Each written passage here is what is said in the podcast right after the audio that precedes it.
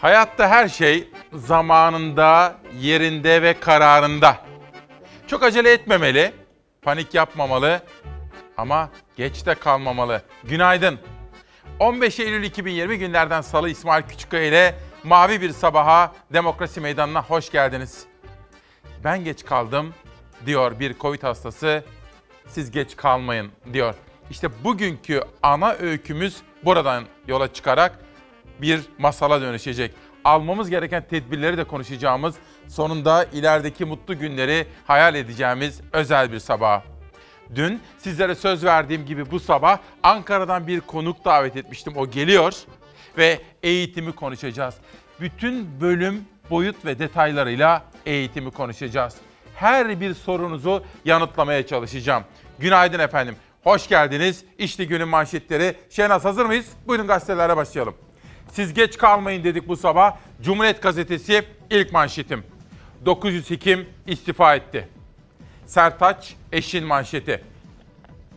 Profesör Bulut iki hafta Anadolu'yu gezdi. Salgının durumunu ve tehlikelerini gözler önüne serdi. Ankara yayıcı konumda. 30 bin sağlık çalışanı hastalığa yakalandı. 30 bin sağlık çalışanı. 80'in üzerinde sağlıkçının hayatını kaybettiği bilgisi var. Bunların yarısı doktor. Sağlık sektöründe istifalar yoğunlaştı. Bu nedenle bazı merkezlerde göğüs hastalıkları uzmanı kalmadı. Ankara başkent zor durumda. Başkent olması nedeniyle salgını yayıcı kent konumuna geldi. Şimdi İstanbul'u büyük bir tehlike bekliyor. Tatil dönüşleri başladı, okullar açılacak. Aşı ve tedavide ciddi gelişme olmazsa vaka sayısı sonbaharda 10 bin, kışında 20 bin olabilir. Ekonomik kriz yaşanan ülkemizde sağlık bütçesi iflas edebilir. Sağlık hizmetinde aksama riski var. Gaziantep, Şanlıurfa ve Mardin'de 10 yakınıma taziyelerimi ilettim. 6'sı salgın nedeniyle ölümdü. 65 yaş üzeri yasakları yanlış. Kurallara uymayanları uyaranlar onlar. Burayı tekrar ediyorum çünkü benim gözlemim de bu yönde. Eminim sizler de böyle düşünüyorsunuz. Ülkemizin en bilinçli kesimi, kurallara en fazla uyan kesimi 65 yaş üzerindeki bilinçli yurttaşlarımız. Uzmanlar diyor ki 65 yaş üzeri yasakları yanlış. Onlar zaten kurallara uyuyor. Onlar zaten tedbirli, özenli, dikkatli. Kurallara uymayanları kim uyarıyor? 65 yaş üzerindeki bilinçli yurttaşlarımız. Günaydın Türkiye'm. O hastamızın dediği gibi ben geç kaldım. Siz siz geç kalmayın. Bölgeler arasında ciddi bir fark var. Bu daha önce Güneydoğu Anadolu'da çok yüksekti. Şimdi Orta Anadolu, Karadeniz diye dolaşmaya başladı. Şu anda Ankara'da karşımıza çıkan günlük olgu sayısındaki çok ciddi artış İzmir'de ve İstanbul'da da ses veriyor. Virüs dolaşıyor, dolaştıkça da can almaya devam ediyor. Son 24 saatte 63 hasta daha hayatını kaybetti. Günden güne artan ağır hasta sayısı ise 1301'e ulaştı. Uzmanlar salgının merkezi halini alan Ankara'ya dikkat çekerken tehlikeli artışın İzmir ve İstanbul'a da hızla kayabileceğini söylüyor. Ankara'daki gibi İstanbul'da da mesai saatlerinin güne yayılması üzerinde çalışılıyor. Sadece kamu değil, özel hep beraber biz aynı ulaşım araçlarını en verimli ama sağlığımızla ilgili bize sıkıntı yaratmayacak şekilde nasıl kullanacaksak bunun üzerinde duruyor. Yani dip dibe gidiyoruz. Sosyal mesafe diye bir şey yok. Yaysa biraz daha korona açısından hastalık açısından bizim için iyi olur. Uzmanlar Ankara'nın ardından İstanbul'da da vaka sayılarında artış yaşanabileceğine dikkat çekiyor. Bu nedenle İstanbul'da yeni önlemler kapıda. Kademeli mesai uygulaması gibi. Bu uygulamayla amaç toplu ulaşımda kalabalığın zirve yaptığı 07 ile 10, akşam 17 ile 21 arasındaki kalabalığı günün diğer saatlerine yaymak. Sabah pik saati, akşam pik saati. Yani ne demek? Evden işe giderken, işten eve dönerken bir anda o 500 binlik yolculuğun bu zirve saatlerde oluşuyor. Sosyal mesafeyi bozar, sıkışıklık oluşturuyor. Bu mesaiyi kademelendirirsek şu iki saatte oluşan durumu 4 saate getirirsek 25 binlere düşer. İstanbul Valiliği ve İstanbul Büyükşehir Belediyesi koordinasyonunda kurulan ve Ağustos sonuna kadar çalışmalarına devam eden Toplu Ulaşım Bilim Kurulu'nun başkanıydı Profesör Doktor Mustafa Ilıcalı. Önerisi toplu taşıma araçlarında yaşanan yoğunluğu dörtte bire indirecek bir düzenleme yapılması yönünde. Zaten valilik ve büyükşehir belediyesi de İstanbul'da özel sektörü de kapsayacak yeni mesai saatleri için görüşmelere devam ediyor. İş yerleri, kamu olabilir, özel sektör olabilir. Kendi içerisinde 4 grup mesai yapsalar mesela. Birisi sabah 7'de başlasa bir grup, 8'de başlasa, 9'da başlasa, 10'da başlasa. Bu rakamın 4'te 1'e düşeceği açık bir gerçek. Valilik, büyükşehir, belediyelerimiz, kaymakamlarımız, meslek odalarımız, kolluk güçlerimiz birlikte çalışıyoruz. Ve yakın zamanda sizler aracıyla İstanbul'umuza bunu paylaşacağız. İstanbul Valisi'nin duyurduğu tüm bu hazırlıklara sebep olansa hızla artan ve önüne geçilemeyen vaka sayıları. Son tabloda 1527'den 1716'ya yükseldi günlük hasta sayısı. Salgının başından bu yana koronavirüs nedeniyle yaşamını yitirenlerin sayısı ise 7000'i aştı. Çalar Saat'te İsmail Küçükkaya'nın konuğu olan halk sağlığı uzmanı Profesör Doktor Kayıhan Pala'ya göre ise vaka sayılarını arttıran etkenlerin başında hastalık tespit edilenlerin ya da şüphelenilenlerin eve gönderilmesi geliyor. Dışarıda izolasyon diye bir kavram olmaz. İzolasyon şu demek. Bir kişiye hastalık tanısını koyarsanız onu toplumdan ayırırsınız. Toplumdan ayıracağınız yer de mümkünse bir sağlık kuruluşudur. Durum ve risk zannedilenden çok daha büyük efendim. Ona dikkat çekmek isterim. Hakan Güner uyanmış. Günaydın imkanı olan evden çıkmasın diyor. Bu vaka sayısı kışın 3'e katlanabilir diye korkusunu, kaygısını bizimle paylaşıyor. Sebahat Hanım bölge böyle ilgisizlik, duyarsızlık olursa hepimiz geç kalacağız derken Nevin Özçeker Ankara'dan herkesi kurallara uymaya davet ediyor. Günaydın diyorum ben de sizlere efendim. Peki bir çiftçi haberi sonra bu mesai ayarlaması haberiyle devam edeceğim. Cumhuriyet'te ikinci bir manşet. Çiftçi maliyet vurgunu Gamze Bal. Bu arada hemen şunu söylemek isterim. Bu 8. yılımızda da İsmail Küçükkaya ile Çalar Saat'te de üreten Türkiye yolunda çiftçimizin, köylümüzün yanında olacağız. Perşembe günü Ali Ekber Yıldırım'la bir dosya açacağız. Tarım ve üretici Türkiye konusunda Mesela bu sabah Cumhuriyet Gazetesi'nin ekonomi sayfasında bir haber dikkatimi çekti. Kesip sakladım hem okudum.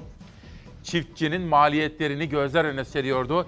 Perşembe günü Alekber Yıldırım'la canlı yayında çiftçiyi ve üreticiyi konuşacağız dosya olarak efendim. İşte onun manşeti Gamze Bal haberi. Ağustos'ta yıllık enflasyon %11.77 olurken çiftçinin enflasyonu %17.36 arttı.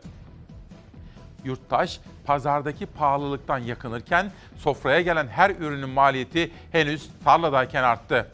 Dışa bağımlılığı %60'a varan tarımda sadece gübre %30-35, tarım ilacı %50 zamlandı.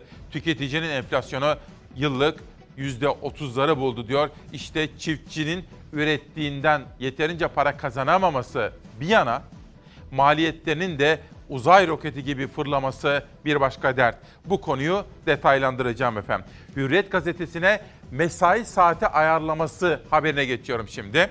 Ankara'da olduğu gibi İstanbul'da da kademeli mesai için belediye ile valilik ortak çalışıyor. İstanbul için 4 kademeli mesai.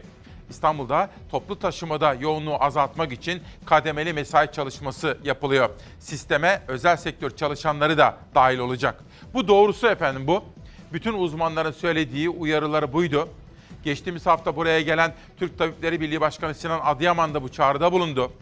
Cuma günü yayınımıza katılan İstanbul Büyükşehir Belediye Başkanı Ekrem İmamoğlu da aynı çağrıyı tekrarlamıştı ve valilikle görüştüklerini söylemişti. Dün İstanbul Valisi de yaptığı açıklamada bu konuda son aşamaya geldiklerini belirtti. Hürriyet'ten okuyorum. İstanbul'da toplu taşıma yolculuğu yaz aylarında 900 bine kadar düşmüştü. Geçen hafta 4 milyon 200 bine çıktı. Yolculukların %60'ını özel sektör çalışanları yapıyor. Kademeli sistem hem kamu hem özeli kapsayacak. Metrobüslerde pik yapan 2 saat aralığı var. Biri sabah 8 ile 9 arası işe gidiş, diğer ise akşam 17-18 saatleri arasında yani iş çıkışı. Yığılmayı azaltmak için mesainin 4 gruba ayrılması planlanıyor. Bu yapıldığı zaman bir grup 7'de gidecek, Bir başka grup 8'de başlayacak işe. Bir başkası 9'da, bir başkası 10'da başlayacak. Ve işte böyle mesai ayarlaması yapılacak. Bu aklın yolu bir dedirten bir uygulama. Dün akşam Ciner grubunun televizyon kanalı Habertürk'te Kübra Par'ın sorularını yanıtlayan Ali Babacan ki o eşi Zeynep Hanım ve ilk defa öğrendik her ikisinin de babası yani Ali Babacan hem babası hem de kayınvalidesi de kayınpederi de Covid'e yakalanmışlar. Onlara geçmiş olsun diyoruz. Aslında yakın çevremde hiç kimse yoktu. İlk ben e, hastalandım diyebilirim. E, ancak şöyle oldu. Bizim e, genel merkezimiz biliyorsunuz Temmuz ayında açıldı, devreye girdi. Ve genel merkezimizde çok yoğun bir ziyaretçi trafiği var. Her ne kadar e, tedbirlerde mümkün olduğunca e, tüm arkadaşlarımızla beraber dikkat ediyor olsak da yine de yüzde yüz korunma, yüzde yüz tedbir e, en azından e, siyasette biraz zor oluyor. Çünkü siyaset ne de olsa insan insana temasla e, yürüyen bir iş. Eşim ve küçük oğlum benimle beraber aynı gün e, hastalandılar. Öyle mi? Ama Çok geçmiş olsun. ikisi de, e, ikisi de bir haftada atlattı. Yani hastane tedavisi gerekmeden evde ilk bir haftada ikisi de atlattı çok şükür. Kızımızı biraz daha izole bir yerde tuttuk. E, oğlumuz zaten e, Boston'daydı bu süre içerisinde. E, dolayısıyla biz kendi çekirdek ailemizde üç kişiyle sınırlı e, tutabildik e, rahatsızlığı. Ama şu anda benim kayınpederim e, tedavi görüyor 3 haftadır. E, babam hastanede yoğun bakımda. Öyle mi? bab- Çok geçmiş Yani- olsun. Sağ olun. Ba- Babamla bir aydır hiç görüşmüyorduk. Özellikle hani onu koruma altında tutmaya çalışıyorduk ama o da nereden nasıl kaptı bilemiyorum doğrusu. Ee, yani bizim ailede biraz var. Açıklanan verilere güveniyor musunuz diye.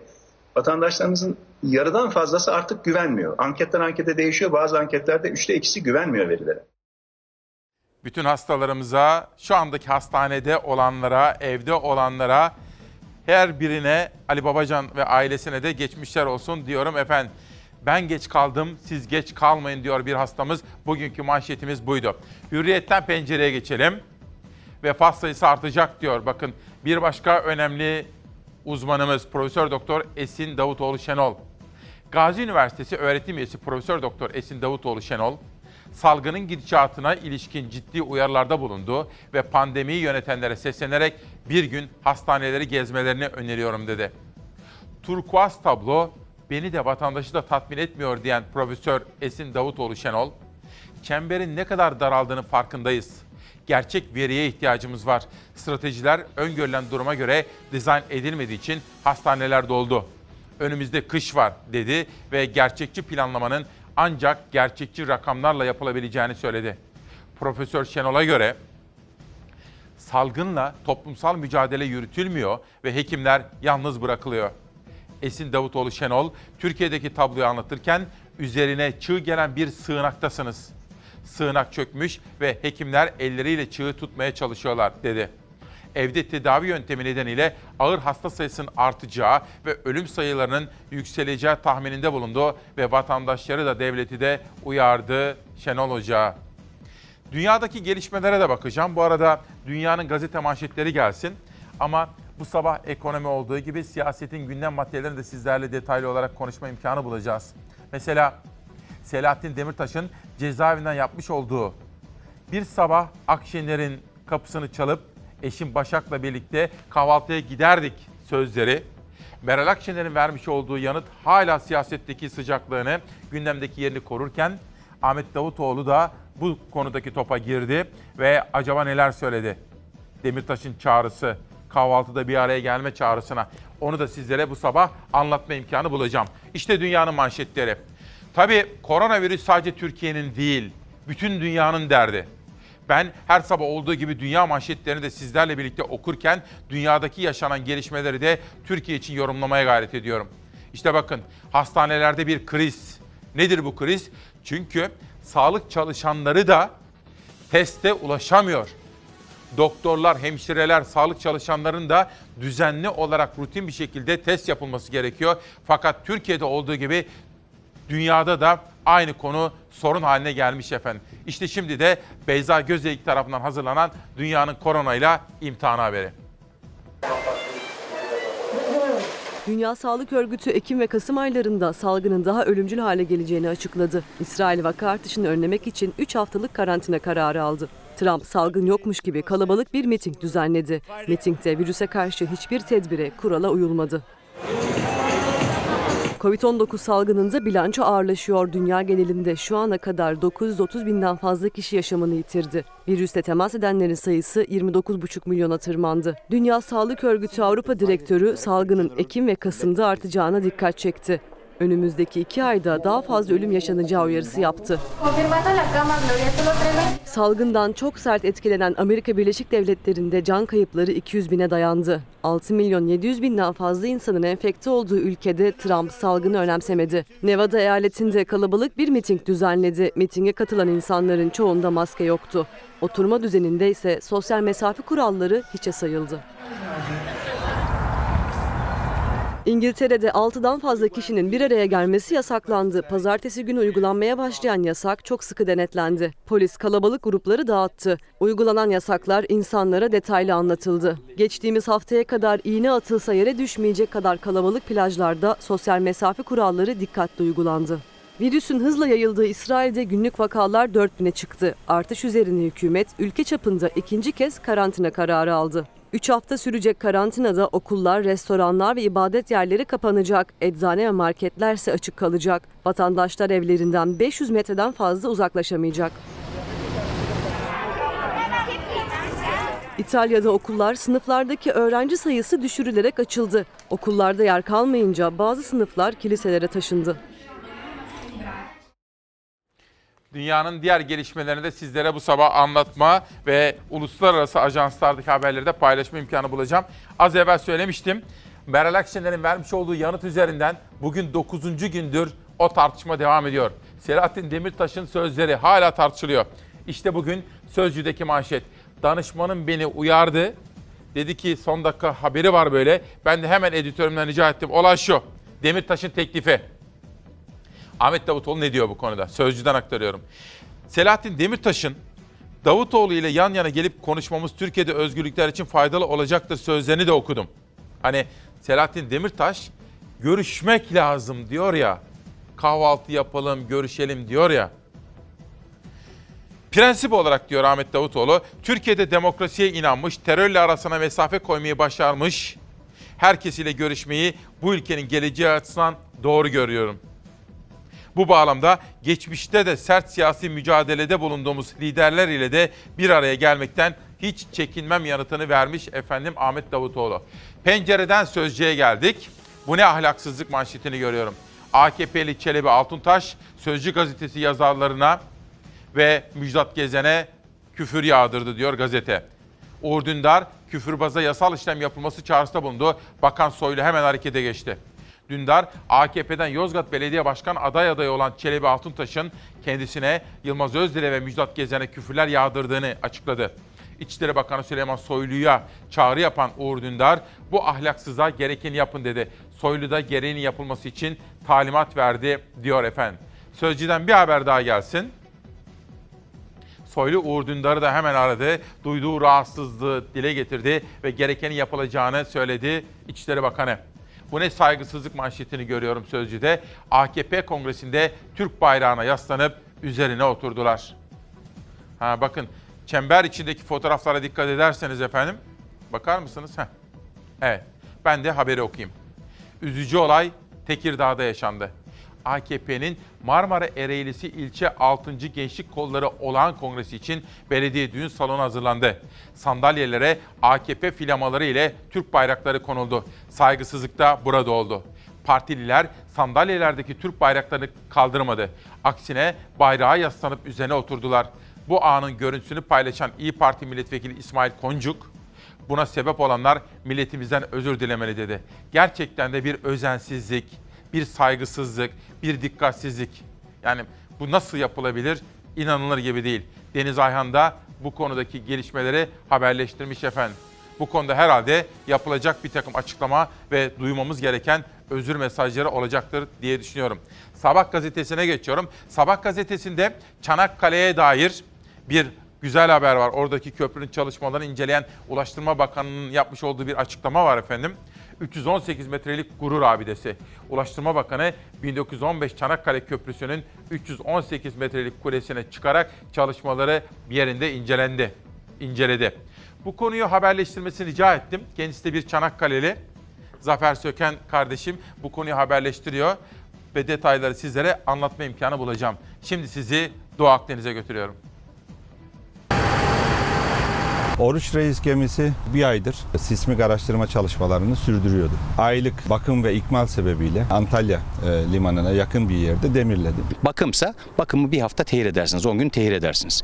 Bu siz kimsiniz diplomasisi için uygun bir adım değildir. Merkel arıyor, bastırıyor ve yine çekiyor bizimkiler. İşte bu taviz. Masada kazanmayı bileceksin. Masada kazanamıyorsan mavi vatanda geri vites yapmayacaksın. Akdeniz'de kriz nasıl çözülecek sorusuna yanıt aranırken Oruç Reis sismik araştırma gemisinin Türkiye'ye dönmesi, Antalya'ya demirlemesi iktidarla muhalefeti karşı karşıya getirdi. Cumhuriyet Halk Partisi geri adım olarak algılamış. Keşke önceden sorsalardı, yani sormadan geri adım atıldı e, demek bir iç siyasete yönelik bir mesajdır bu. Rutin bakım için gelmiş. Bak sen bakım yapacak zamanı bulamadı. Karşılıklı deniz yetki alanları anlaşmaları, ilan edilen Navtex'ler, Yunanistan ve Fransa'nın kışkırtıcı hamleleri ve sert açıklamalarla Akdeniz'e tansiyon yüksek. Yunanistan'ın son provokatif hamlesi Yunanistan Cumhurbaşkanı'nın daha önce asker çıkartılan Meis Adası'nı ziyaretiydi. Barış istiyorsanız daima savaşa daha hazırlıklı olmalısınız. Yunanistan Cumhurbaşkanı Meis ziyareti sonrası CNN International'a yaptı bu açıklamayı. Onunla eş zamanlı Milli Savunma Bakanı Hulusi Akar'ın Kaş'ı ziyaret etmesi de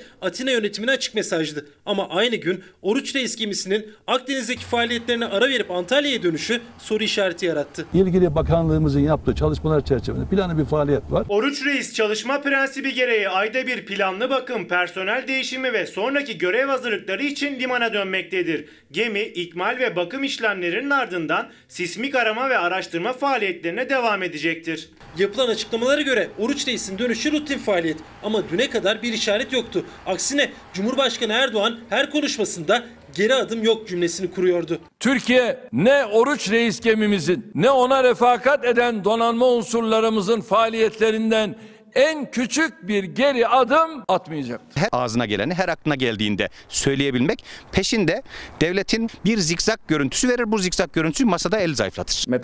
Oruç Reis'in dönmesi olumlu bir ilk adım. Devamının gelmesini umuyorum. Bu yaptığımız rutin faaliyet diye takdim edilen işin sanki 24'ünde görüşülecek olan Avrupa Birliği'nin yaptırımlarından evvel bir böyle geri adım gibi algılanabilir bir tarafı var. Ben 25 Eylül'de bir yaptırım kararı beklemiyorum ama olabilirdi. Böyle bir ihtimal de var. Gemimize yönelik, şirketimize yönelik. Amerika Birleşik Devletleri silah ambargosunu kaldırarak geleneksel duruşunu Türkiye'nin aleyhine değiştiriyor. Burada endişe duyulacak bir durum varsa Amerika'nın ve Pompeo'nun attığı adımlardır. Mevlüt Çavuşoğlu Rum kesimini ziyaret eden Anastasiadis'e mutabakat muhtırasına imza atan Amerika Dışişleri Bakanı Pompeo'ya da tepki gösterdi. Oruç Reis'in faaliyetlerine ara vermesi üzerinden bir kez daha Yunanistan'a seslendi. İyi niyet olarak da değerlendirebilirsiniz dedi. Esasen bu rutin bir çalışmayı çelişkili açıklamalar yapmak yerine iyi niyetle değerlendirebilir. Sevilla haritasının geçersiz olduğunu söyleyebilir. İşte Sevilla haritası burada. Bize ne kadar bırakılmış? Yunanistan'a ne kadar bırakılmış? İyi niyetli olsa bu şekilde değerlendirebilir.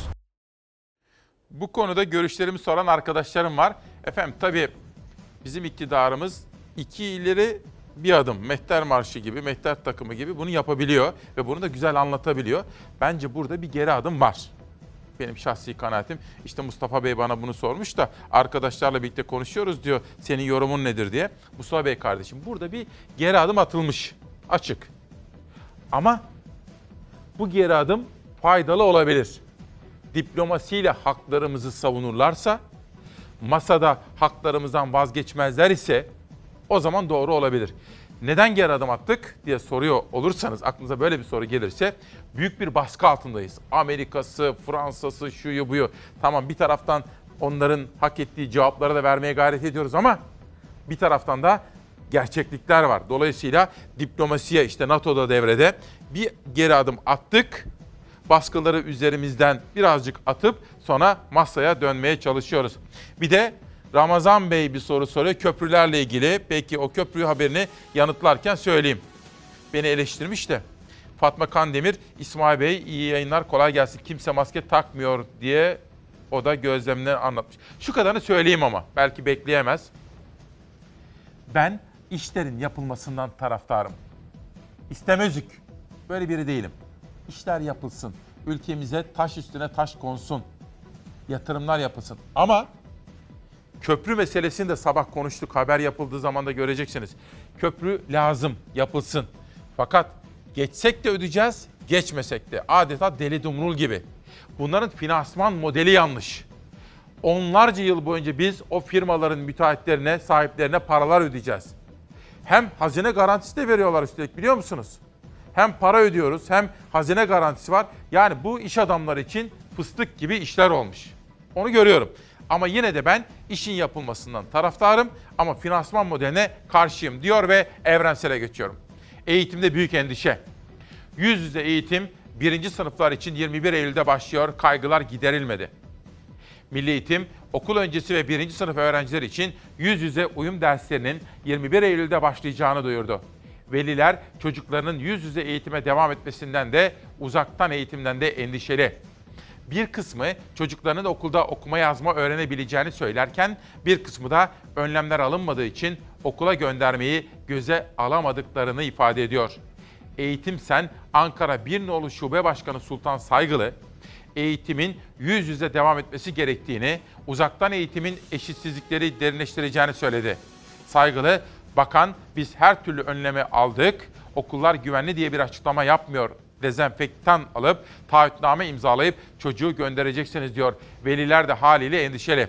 Efendim Ankara'dan bir konuğum var. Biraz sonra buraya gelecek. Dün Milli Eğitim Bakanlığı'na gitti. Bakanlıkla konuştu. Ben de günlerdir sizlerin kaygılarını, düşüncelerini, umutlarını, beklentilerini, şikayetlerini, ihtiyaçlarını notlar aldım. Kendisiyle bugün eğitimi bütün detaylarıyla, bölümleriyle konuşma imkanı bulacağım diyorum. Ve birkaç gün önce Ankara'da korku filmlerini aratmayacak sahneler meydana gelmişti. Hani toz bulutları böyle havalara fırlamıştı. Neler neler meydana gelmiş. İşte o konuda bir güncel haberimiz var.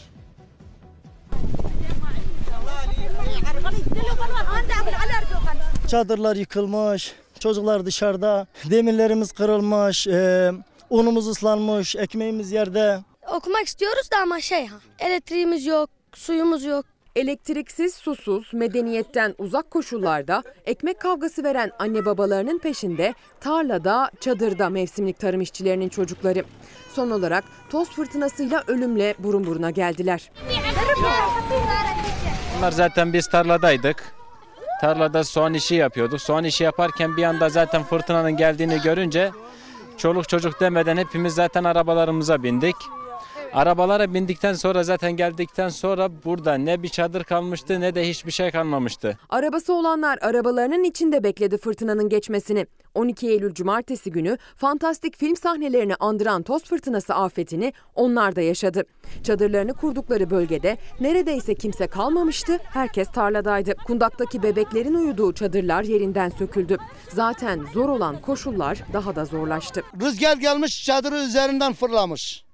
Kimisi de bezin altında kalmış. Allah çok şükür yani onlar da yani ucuzdan atlamışlar. Burada e, ne yatacak bir yerimiz kaldı ne de hiçbir şeyimiz. Sürekli tartışılan mevsimlik tarım işçilerinin çileli hayatı toz fırtınasıyla yeniden gözler önüne serildi. Şanlıurfa'dan Ankara Polatlı'ya ekmek parası için gelen mevsimlik tarım işçileri afetten büyük zarar gördü. Devletin uzattığı yardım eliyle yaralarını sarmaya çalışıyorlar. AFAD olsun, Kızılay olsun, jandarma olsun. Yani Rabbim onlardan razı olsun, devletimizden razı olsun. Yardım eli uzattılar. Kimi işte yemektir, efendim vesairedir, kimi çadır. Yani her yerden bir yardım eli uzandı. Dört tane beş tane öğrencim vardır. Onları da okturamıyorum. Durum madem yok. Neyle geçireceğim onları okula? Kitapları neyle alırım? Göndersem hangi elbiseyle gönderirim? Biz ancak boğazlarımızı yetiştirmişiz. Çocuklar her zamanki gibi mağduriyetin en masum kurbanları oldu.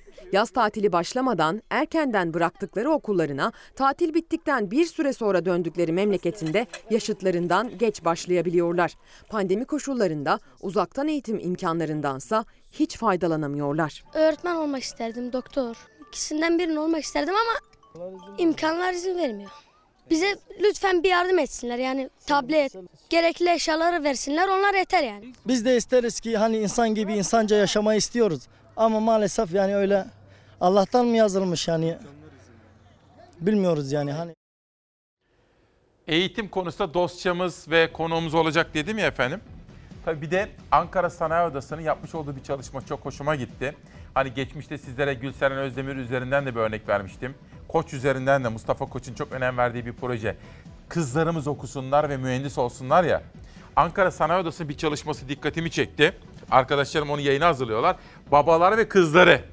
Babalar ve sanayici olan, üretici olan kızları. Bu konuda bir haberim olacak. Gelin hep beraber iki mesaj okuyalım.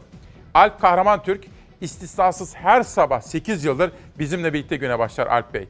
Milli Eğitim Bakanlığı'nın Milli Eğitim öğrencilere tabutlu, kefenli, kabir azaplı, cehennemli eğitim. Hani geçen gün Bir Gün gazetesinde manşet vardı ya bu. Bir günde miydi, Sözcü'de miydi? Onu okumuştum. Alp Bey bu konuda kaygılarını dile getiriyor. Mustafa Kemal, hayat çok pahalı, bunun karşında gelir az. Belimiz büküldü, 35 yaşındayım, yoruldum, yoruldum diyor bakın. 35 yaşında yorulmuş. Bakalım bu arkadaşın şeyi ne? Atatürk portreli. Atatürk'e saygısızlık eden saygı beklemesin diyor efendim. Bu arkadaşımız da bir Atatürkçü. Bugün Atatürk'e ilişkin de okuduğum bu kitaptan alıntılar yapacağım size. Çünkü onun adı nedir? Gazi Mustafa Kemal Paşa'dır. Onun adı Gazi Mustafa Kemal Atatürk'tür. Cumhuriyetimizin kurucusu ve ilk cumhurbaşkanımızdır. Her zaman rol modelimizdir. Mustafa Kemal Paşa, Gazi Mustafa Kemal Atatürk. Böylece Evrensel'den bir de Gaziantep gazetesi var. Gazetelerin en sonuna gelelim. Bu kitabı da tanıtayım ki bu kitabı da Aybüke kardeşim bize her gün hani işaret diliyle tercümanlık yapıyor ya. Bu kitabı istedi. Belli ki yeme içme ve mutfak işlerine meraklı. O gitmeden bu kitabı da tanıtıp kendisine armağan edeceğim. Bakın Cenk Sönmez Soy'dan geldi. Dünyaca ünlü ödüllü yemek bloğu yani internet sitesinden böyle bir şey bir pasta yaptım diyor. Bana da imzalamış ve göndermiş. Ama bu kitap yerine gidecek. Aybüke kardeşimin kitaplığındaki yerini alsın diyorum. Bugün yerel gazetelere baktığım zaman Gaziantep'le başlayacağım. Fiyatlar ikiye katlandı. İkinci el araç fiyatları yükselmeye, satışlar düşmeye devam ediyor. Piyasa çok yüksek, satıyoruz, alamıyoruz. Alıyoruz, satamıyoruz. Gaziantep'te her pazar günü kurulan ikinci el araç pazarındaki yoğunluk satış oranlarına yansımıyor diyor. İşte bugün de her sabah olduğu gibi gerek ulusal gazeteler, gerek dünyanın manşetleri, gerekse yerel gazetelerle gazete manşetlerini beraber okuyacağız. Kitap okumak konusunda da Hıncal Uluç'un bugünkü köşesinde çok hoşuma giden bir örnek var. Onu da sizlere anlatma imkanı bulacağım. Bir de hani dedim ya Perşembe günü Ali Ekber Yıldırım'la tarımı, üreticiyi, köylüyü, çiftçiyi konuşacağız, besiciyi konuşacağız dedim ya. Hadi onlara başlayalım. Şimdi Adana'ya gidip pamuk üreticisiyle dertleşelim.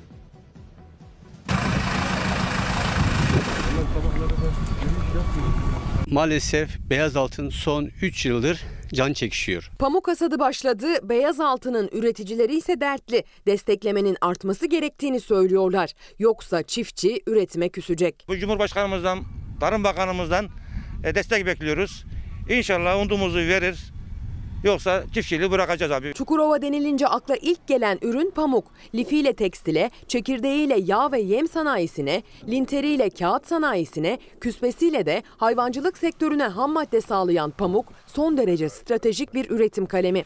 Adana'da bu yıl 200 bin ton pamuk üretilmesi bekleniyor. Kütlü pamuğun fiyatı 3800 lira. Aslında pamuğun şu anda fiyatının 5 lira olması gerekmekte. Maliyeti 5 bin lira.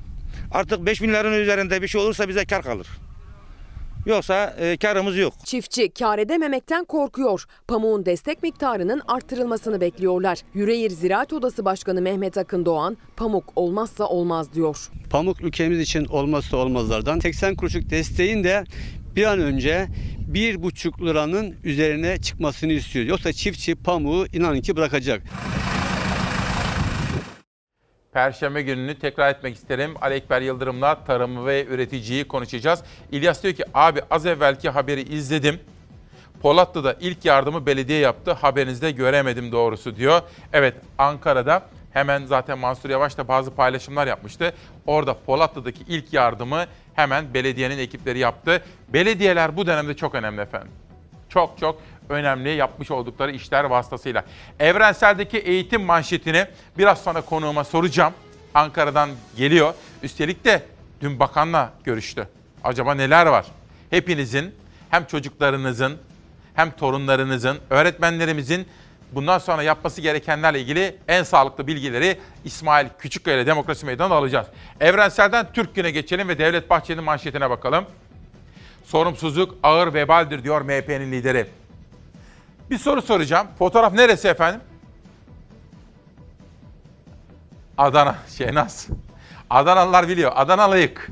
Tabii orası Sabancı Camisi ve Seyhan Nehri'nin yanında. Ben de burada koşu yapmayı, yürüyüş yapmayı çok severim. Bakın cami de muhteşem gözüküyor değil mi? MHP Genel Başkanı Bahçeli, salgına dikkat ettiğimiz kadar kötümserliğin salgınına karşı da uyanık olmak zorundayız. Yeter ki kurallara uyalım, yeter ki duyarlı olalım diyor ve dün yapmış olduğu açıklamalarla hem vatandaşlara bilinçli ve duyarlı olmaya hem de kötümserlik aşılamaya çalışanlara karşı da uyanık olmaya davet ediyor MHP'nin lideri. Amerika Türkiye'nin yanında yer almayarak bizim haklı taleplerimiz konusunda bizim sesimizi duymazdan gelerek hayatının bence son dönemin en büyük stratejik hatasını yapıyor. Doğu Akdeniz'de tansiyonun yükseldiği Amerika'nın Güney Kıbrıs Rum kesimiyle mutabakat muhtırası imzaladığı dönemde kritik bir diplomatik temas gerçekleşti. Dışişleri Bakanı Çavuşoğlu Amerikalı mevkidaşı Pompeo ile görüştü. Yunanistan'ın diyalog çağrılarına kulak tıkamasıyla Doğu Akdeniz'de sular ısındı. Fransa'dan da destek alan Atina hükümeti gerilimi tırmandırdı. Kritik süreçte Amerika Birleşik Devletleri Dışişleri Bakanı Mike Pompeo önceki gün Güney Kıbrıs Rum kesimini ziyaret etti. Anastasiadis ile görüştü. O görüşmede bir de mutabakat muhtırası imzalandı. Ankara'nın tepkisini çekti. Burada endişe duyulacak bir durum varsa Amerika'nın ve Pompeo'nun attığı adımlardır. Pompeo tepkinin akşamında kritik bir diplomatik temas gerçekleşti. Dışişleri Bakanı Mevlüt Çavuşoğlu Amerikan Dışişleri Bakanı Mike Pompeo ile telefonda görüştü. Görüşmeye dair çok fazla detay paylaşılmadı. İki bakanın görüşmede Doğu Akdeniz ve Kıbrıs konularını ele aldığı öğrenildi. Tabii benim en çok sevdiğim bölümlerden biri kitap tanıtımı. Hıncal Uluç bugünkü köşesinde bir örnek vermiş Sakarya'dan. Kitap okuma alışkanlığı ne kadar önemli değil mi?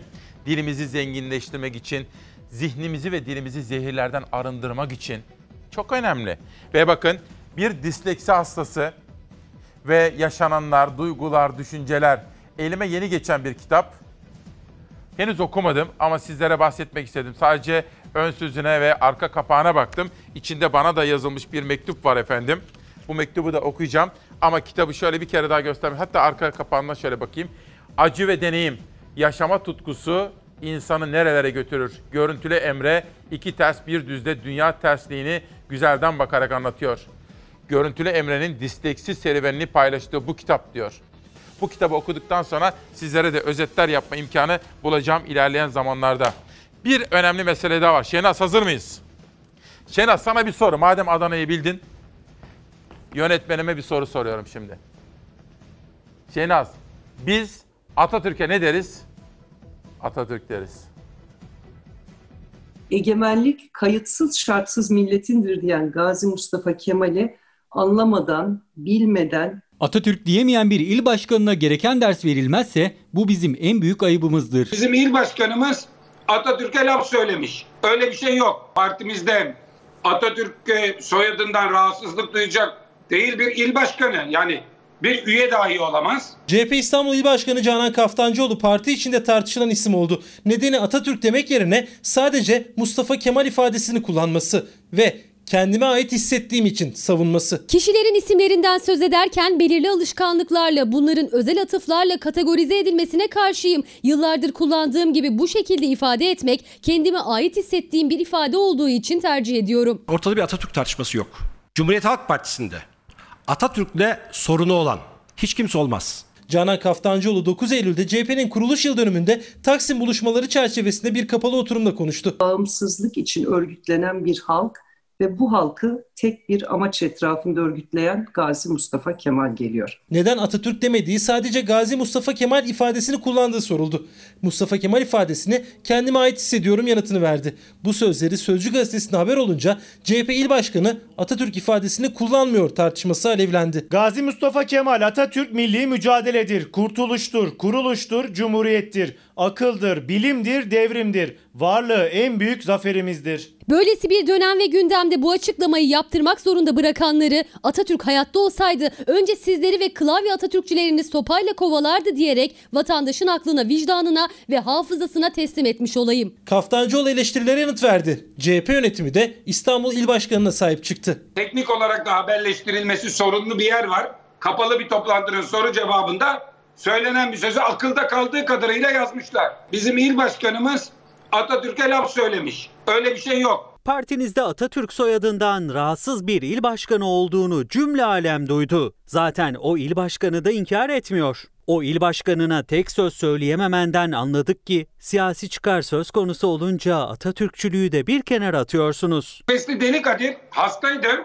Dedi ki Atatürk'e zerre muhabbet besleyen ne ölüme gelsin ne dirime dedi.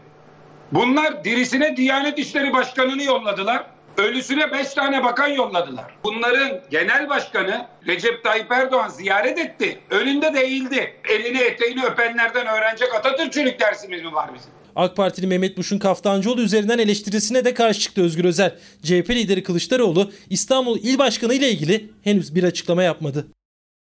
Kılıçdaroğlu kurmaylarına bu konuyu konuşmayın, tartıştırmayın demiş. Ama şunu söyleyeyim. Şimdi burada İbrahim Bey de söylüyor, rejiden de duydum. Biz o gün danışmanın Nihal Kemaloğlu ile tartışırken de ülkenin can yakıcı sorunları var. İşsizlik, yoksulluk, gelir dağılım problemleri gibi. Bunlar boş tartışmalar. Ama bakın bir konuşmasında Gazi Mustafa Kemal diyorsa sadece tek başına bir sorun değil. Ama Uluç Gürkan bunu soruyor kendisine. İki kere diyor bugün Gazi Mustafa Kemal dediniz. Atatürk dememenizin özel bir sebebi mi var diyor. Ve Canan Hanım'ın sonraki açıklamalarına da baktım. Evet diyor ben böyle tercih ediyorum. Kendime böyle yakın hissediyorum diyor. İşte ben o zaman bunu yanlış buluyorum ve yadırgıyorum.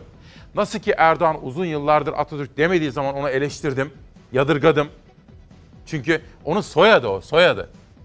Gazi Mustafa Kemal, Atatürk soyadı. Biz mesela Canan Kaftancıoğlu'na Canan diyebilir miyim ben? Demem. Ya da ön ismi varsa mesela diyelim Selin Göbek adı. Selin Canan diyebilir miyim? Olmaz. Onun adı Kaftancıoğlu. Dolayısıyla Atatürk demesi. Yani bilinçli olarak Gazi Mustafa Kemal dediğini söylüyor.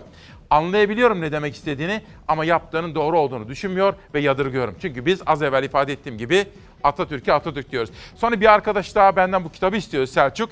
Ben de bir disleksi hastasıyım diyor. Efendim bakın ben özellikle Down sendromlu çocuklarımız, engelli çocuklarımız veya hasta çocuklarımız Güntülü Emre. Bakın Güntülü Emre bu kitabı yazmış bana, göndermiş ve disleksi hastasının bir kitabı. Okuyacağım bunu ve sonra Selçuk'a da göndereceğim. Ve Akdeniz Gerçek Gazetesi. Son derece mutluyuz. Cumhuriyet Halk Partisi Genel Başkanı Kılıçdaroğlu 17 Ağustos'ta korona teşhisiyle tedavisine başlanan Antalya Büyükşehir Belediye Başkanı Muhittin Böceği hastanede ziyaret etti. Doktorlardan bilgi alan ve aileye geçmiş olsun diyen Kılıçdaroğlu mutlu haberler aldıklarını kaydetti. Biz de bir kere daha Başkan Muhittin Böceğe geçmişler olsun diyelim ve acil şifa temennisinde bulunalım. Serhat diyorum, doğuya gidiyorum. Kars, Ardahan, Iğdır, Ağrı'nın gazetesi. Ayçiçeği için hasat zamanı. Tarımın yaygın geçim kaynaklarından biri olduğu Ağrı'da çiftçi ve mevsimlik işçilerin ayçiçeği hasadı telaşı başladı. Sür manşeti çıkalım yukarıya. Dağpınar beldesinin yeni çilesi kirli su. Kars İl Özel İdare Müdürlüğü tarafından Dağpınar'da yürütülen çalışma sırasında içme suyu şebekesi ana boru hattının patlamasından kaynaklı birçok mahallede su sorunu yaşanıyor diyor efendim. Bir reklama gidelim izin verirseniz. Reklamlardan sonra korona, eğitim, eğitim konusunda uzman bir konuğumuz Ankara'dan geliyor ve ondan sonra ekonomi de dahil olmak üzere. Bu sezonda yine şiir okuyacağım. İzmirli bir şair seçtim. Serhan Ada. Üç Fiiller kitabı tek bir dize ama güzel bir dize. Diyor ki her seferinde açılır. Taze gönül her seferinde açılır. Günaydın efendim. Bir kere daha hoş geldiniz. 15 Eylül 2020 günlerden salı İsmail Küçükkaya ile mavi bir geleceğe inandığımız hakikat yolculuğundasınız. Demokrasi Meydanı'nın konuğu geldi Ankara'dan sizler için. Eğitime dair dosyamızı açacağız. Veliler, öğrenciler, öğretmenler, bütün hepinizle ilgili haberlerimiz var, sorularımız var ve konuğumuz bunu yanıtlayacak. Koronavirüse ilişkin haberlerimiz var. Hayatta her şey ölçülü olacak, zamanında olacak, yerinde olacak, kararında olacak değil mi? Panik yapmayacağız, geç kalmayacağız ama bir taraftan da zamanında adım atmamız gerekiyor. İbretliktir. Bir hasta gelsin, ben geç kaldım diyor. Siz geç kalmayın diye uyarıyor. Çorum'da 20 günlük tedavinin ardından Covid-19 nedeniyle hayatını kaybeden 62 yaşındaki Yaşar Ünal. Onun sözleri bugünkü manşetimiz. Yoğun bakıma alınmadan önce çektiği videoda Allah bunu kimsenin başına vermesin diyor. Ben geç kaldım, sizler sakın geç kalmayın diye seslendiği ortaya çıkıyor. Efendim sizleri korkutmak istemem, kaygılanmanızı istemem. Ama bu meselenin ne kadar ciddi olduğunu anlamanız için, maskemizi mutlaka takmamız için, kalabalık ve kapalı ortamlara gitmemek için, elimizi düzenli, sürekli sabunlu suyla yıkamamız için, kendimizi ve başkalarının sağlığını, canını düşünmemiz için ibretlik olsun diye bu görüntüyü izlemeniz gerekiyor. Bugün hastalığındaki üçüncü gün ve eh, kötü günüm. Nefes almakta zorlanıyorum. Oh, ateşim çıkıyor. Tekrar düşüyorlar. Tansiyon çıkıyor. Öksürüğüm hiç durmadı. Allah bu ayı kimsenin başına vermesin. Ben geç kaldım. Sizlere sakın kalmayın. Hepinize teşekkür ederim. Ciddi almamız gerekiyor. Dün Devlet Bahçeli'nin haklı olarak uyardığı gibi karamsarlık ve kötümserlik pompalamak iyi değildir.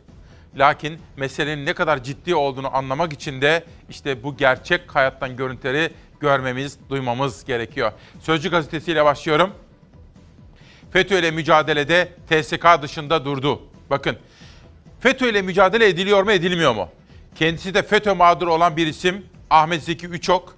Aytunç Erkin'in bugün tam sayfa röportajında çok çarpıcı açıklamalarda bulunmuş.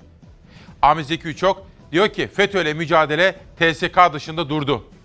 Zeki Üçok 260 kaymakamla ilgili soruşturmayı 4 yıl önce başlatan savcının görevden alındığını belirtti. İçişleri Bakanlığı'nda örnek olması için bakan yardımcıları dahil 26 bin personele ankesör incelemesi yapılmasını önerdi. Yani Zeki Üçok diyor ki kripto FETÖ'cülerin İçişleri Bakanlığı'na, mülkiyeye sızıp sızmadığını tespit etmek için 26 bin personele ankesör incelemesi yapılmasını öneriyorum dedi Aytunç Erkin'in röportajında. Bir sonraki gazeteye geçeceğim ama orman yangınları ve yangınlarla mücadele haberiyle de devam edelim. Ormanlardan yangın haberleri gelmeye devam ediyor. Yeşil alanların alevlere teslim olması ciğerleri de yakıyor. Çorum'dan ve Balıkesir'den geldi son olarak alevlerin haberi. Vatandaşlar ve görevliler yangınla canı pahasına mücadele etti.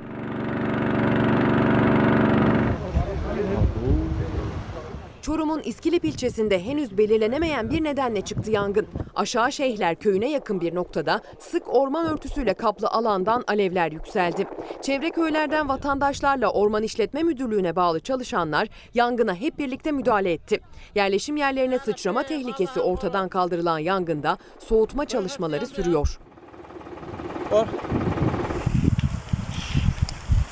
Kaz Dağları'nda çıkan orman yangını ise kontrol altına alınarak söndürüldü. Balıkesir, Havran ilçesi sınırlarında çıktı yangın. Edremit Körfezi'ni Çanakkale'nin Yenice ilçesine bağlayan dağ yolunda devreye gezen trafik jandarma ekipleri yangını fark etti. Erken müdahaleyle sert esen Poyraz'a rağmen kısa sürede kontrol altına alındı alevler. 200 metrekarelik alanda kızılçam ağaçları zarar gördü. Bir tane kaplumbağa yaralı olarak kurtardık. Yeter.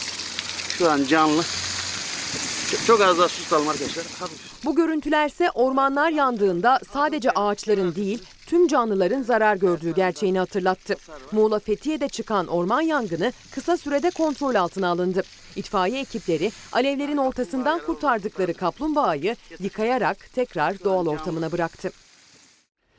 Bu arada size bir soru sormak isterim. Ben özgür bir yurttaşım değil mi sizin gibi? Bir cumhuriyet yurttaşıyım. Atatürk Cumhuriyeti'nde yaşıyoruz. Anayasamız ve kanunlarımız tarafından haklarımız güvence altında değil mi? Tabii öyle. Demokratik hukuk devleti burası. Konuşabiliriz. Güvenliğimizden kim sorumludur? Devletimizin ilgili istihbarat örgütleri, emniyet örgütleri, askerimiz, iç ve dış güvenliğimiz değil mi? Peki bir İçişleri Bakanlığı'nın ülkenin en yüce mahkemesinin başkanına ilişkin tehdit anlamına gelebilecek sözler sarf etmesi bizleri kaygılandırır mı? Kaygılandırır.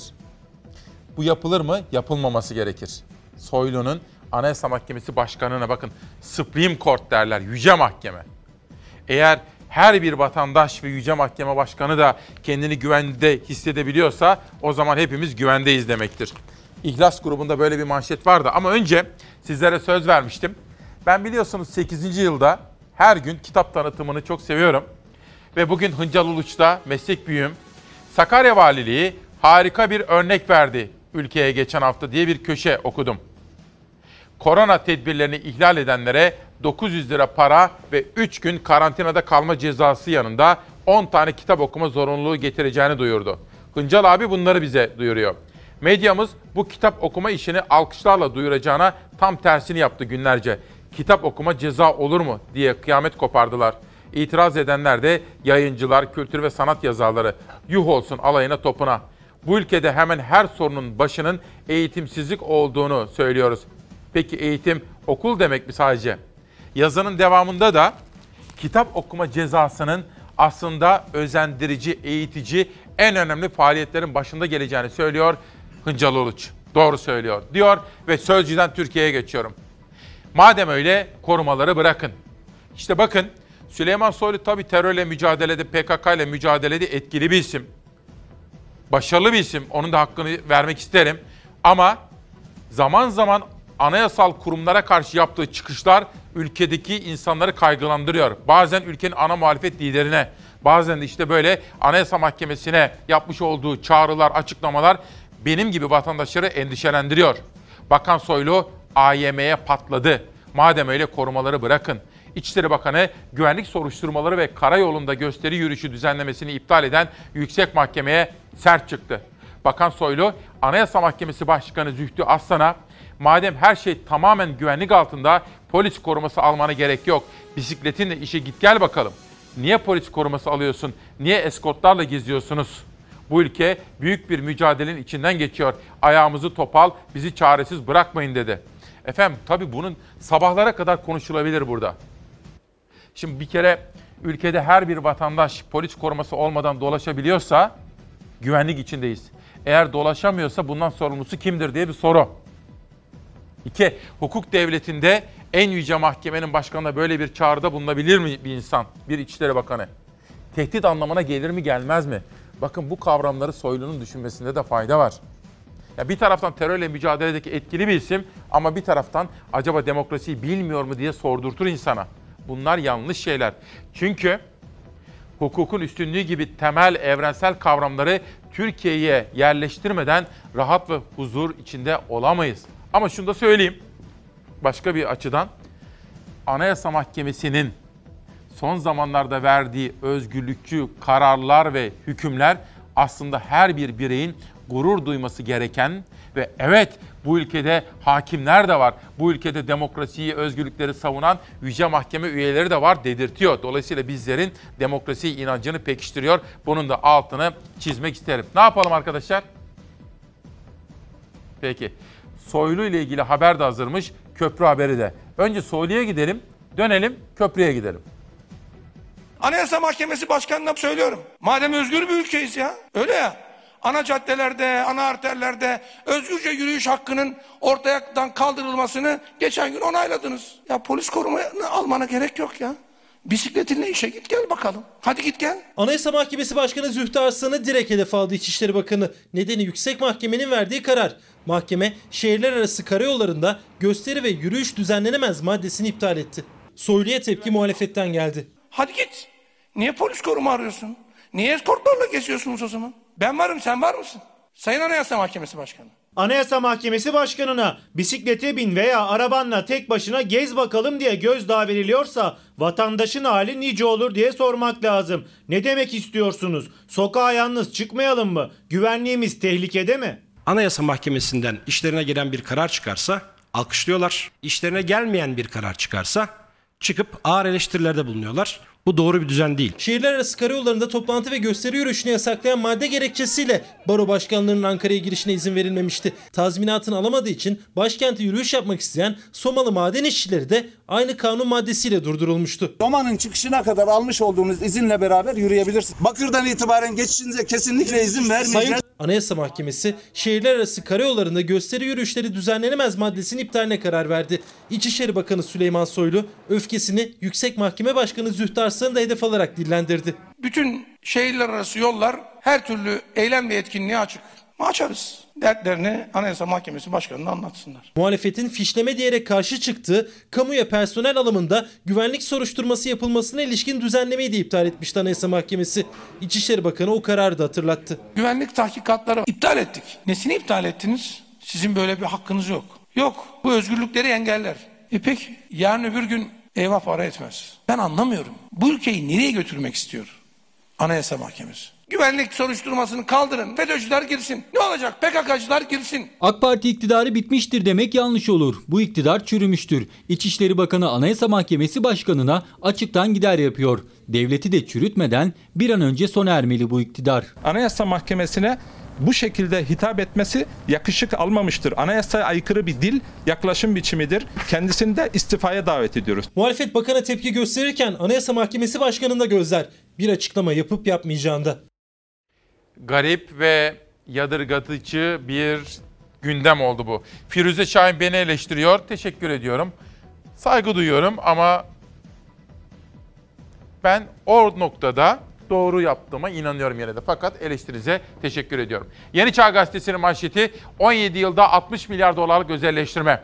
Diskin raporuna göre vahşi biçimde uygulanan özelleştirmenin %88'i AKP döneminde yapıldı.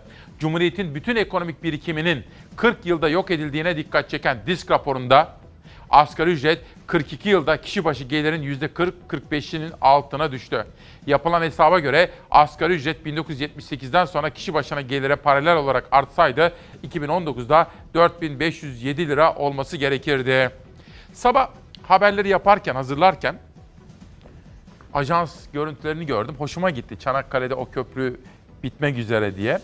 Arkadaşlarımdan haberi istedim. Zafer Söken de haberi hazırlıyor. Üstelik de Çanakkale'li olduğu için özellikle ondan rica ettim.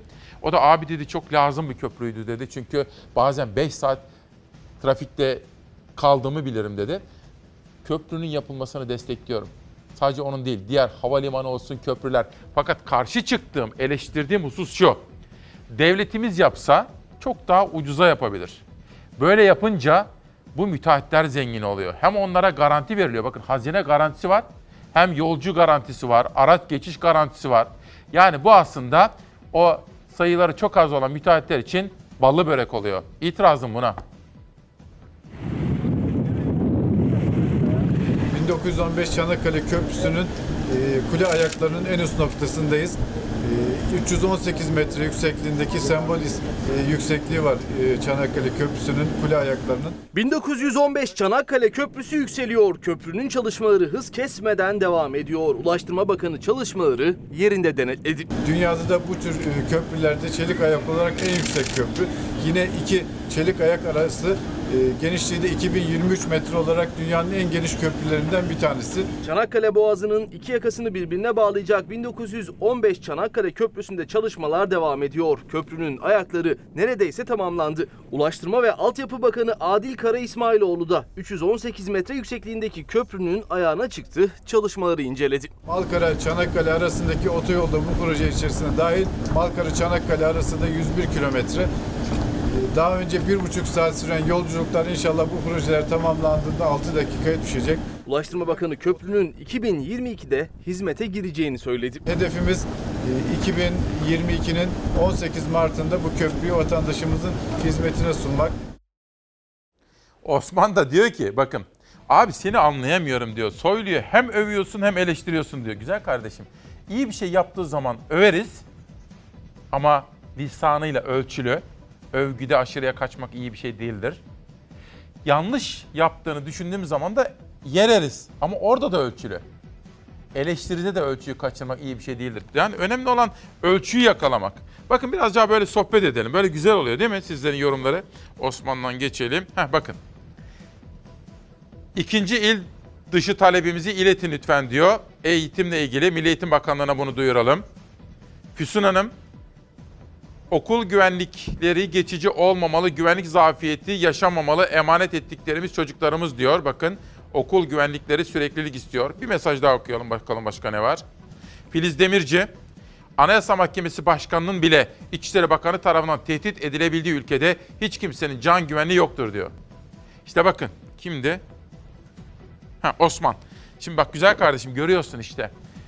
Huzur ve güvenlik, hukukun üstünlüğü gibi temel kavramları gündeme getirmemiz gerekiyor. Terörle mücadele ederken destekleyelim. Ama hukukun üstünlüğü, demokratik değerler konusunda hatası varsa da onu söyleyeceğiz. Bizim görevimiz bu. Yeni Çağ'dan bir de Eskişehir'e gidelim. Devlet kira desteği versin. Bir esnaf manşeti. Kira ödeyemeyen kepenk indiriyor. Pandemi sebebiyle işleri durgunlaşan esnaf dükkan kirasını ödemekte zorlanıyor. Kirasını ödeyemeyenlerin kepenk indirdiğini anlatan esnaf devletten kira desteği bekliyor diyor. İşte bugün Eskişehir esnafının manşeti de bu şekilde. Ve uzun zaman ekonomiyi yöneten bir isim Ali Babacan. Dün akşam Ciner grubunun televizyon kanalı Habertürk'te Kübra Par'ın sorularını yanıtladı. İlk kuşakta sizlere Ali Babacan'ın kendisi ve eşi Zeynep Hanım'ın dışında hem Ali Babacan'ın babasının hem de Zeynep Babacan'ın babasının da Covid olduğunu haber olarak aktarmıştık. Sırada ekonomiye dair görüşleri var. Onu arkadaşlarım hazırlaya dursun. Ben de size bir kitap daha tanıtayım. Editörlüğünü Doktor Cem Heper'in yaptığı Multidisipliner Covid-19 ve bunu da bana doçent doktor Alparslan Türkken yollamış. Bursa Tabip Odası Başkanı göndermiş. Kendilerine de bu önemli çalışma için teşekkür ve tebriklerimi iletirim. Ali Babacan'dan ekonomi yönetimine sert eleştiriler geldi. Ekonomik aktivitenin tüm dünyada hemen hemen eş zamanlı olarak ve keskin bir şekilde e, kesintiye uğradığı, ara verildiği bir dönem e, dünya tarihinde çok enderdir. Ancak bir savaş döneminde bu yaşanabilir. E, ve dünyanın e, yaşadığı şu anda e, ekonomik aktivite, aktivitedeki e, kesinti gerçekten son derece derin. E, pek çok uluslararası kuruluş dünya ekonomisinin bu yıl toplamda yaklaşık yüzde beş civarında daralacağını öngörüyor. Ama Avrupa'daki daralma, özellikle Avro bölgesindeki daralmanın yüzde dokuz ila on arasında olacağı bekleniyor. Bu gerçekten e, çok çok şiddetli bir ekonomik daralma. Yani 2008-2009 krizi bizim en son yaşadığımız küresel kriz biliyorsunuz. Hani hafızalarda en taze olan. E, o e, krizde dünya ekonomisi sadece yüzde bir daralmıştı. Covid henüz Türkiye'ye gelmeden önce e, Türkiye'de e, ciddi bir ekonomik buhran vardı. E, geçen seneki büyümemizin yüzde birin altında olduğunu kimse unutmasın. Yani 2019 senesinde daha Covid falan yok ortada. Türkiye ekonomisi yüzde bir bile büyüyemedi geçen sene. E, Merkez Bankası rezervleri erimişti. Bütçe açığı hızla çoğalıyordu. Tamamen şahsileşmiş, inatlaşmış yanlış politikalar e, yüzünden e, zaten işsizlik artıyordu ülkede. Yani bütün bunların üzerine bir de Covid salgını gelince ve salgının özellikle ekonomi tarafı da kötü yönetilince Türkiye'deki sorunlar katlanarak arttı. Defalarca kredi notumuz düşürüldü. Yani gerçekten büyük emekler harcamıştık biz Türkiye'nin kredi notunu yatırım yapılabilir seviyeye çıkartmak için.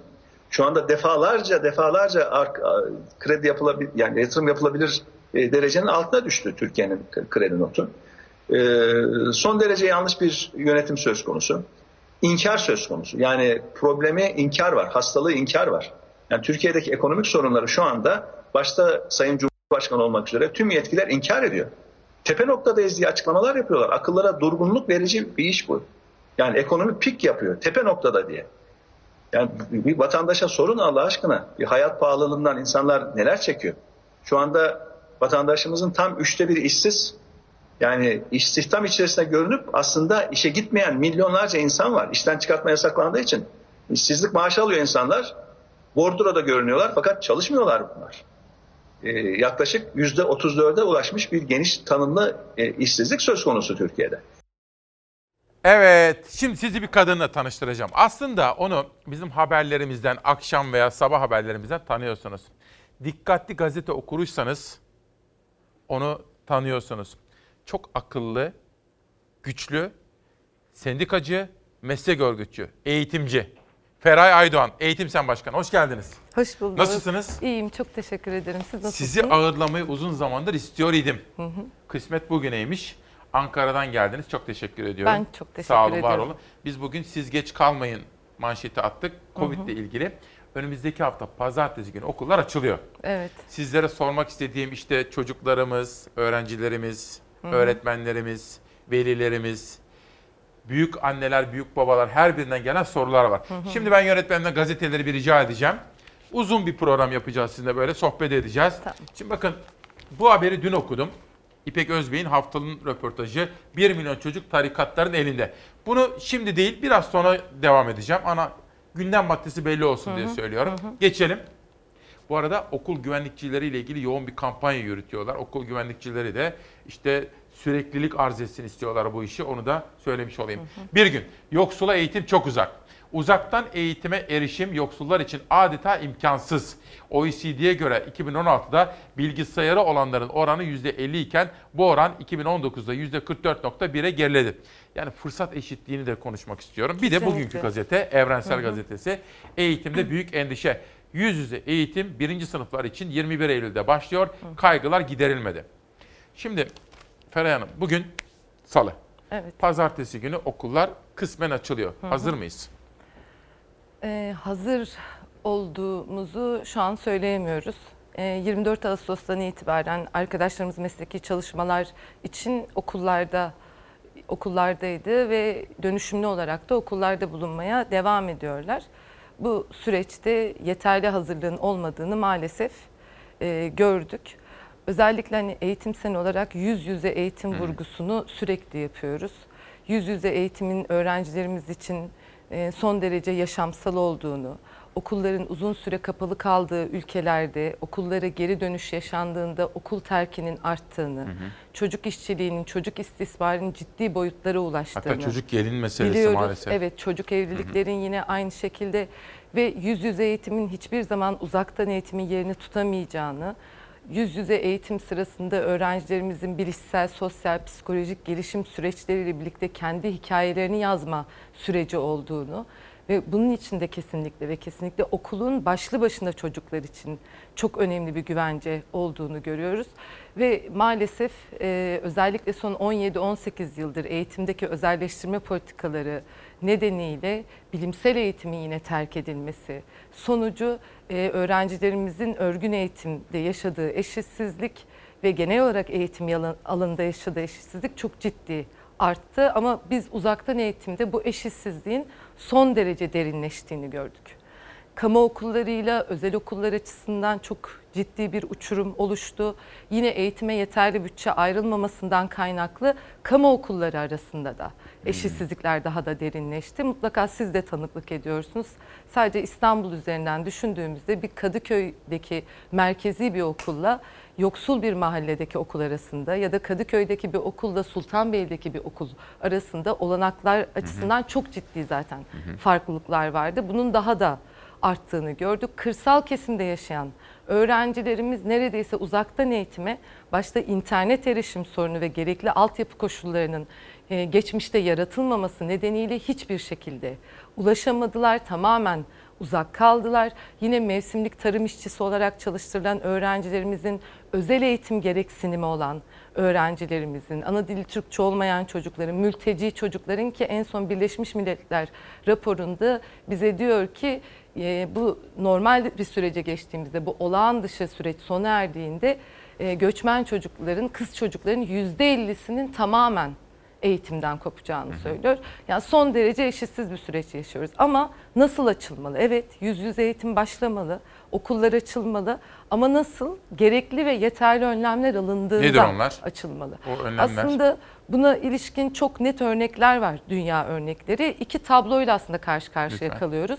Gerekli önlemlerin alındığı ve yüz yüze eğitim başladığı okul e, ülkelerde salgın yayılma artmıyor. Örneğin Artmıyor mu? artmıyor. Mesela Hollanda, Danimarka, Finlandiya gibi ülkelerde e, nedir e, en temel ilkeler? Öncelikle tabii ki okullar açılmalı derken neye bakmamız gerekiyor? Bilim insanlarının açıklamalarına, bilim insanlarının paylaşımlarına ve bilimsel verilere.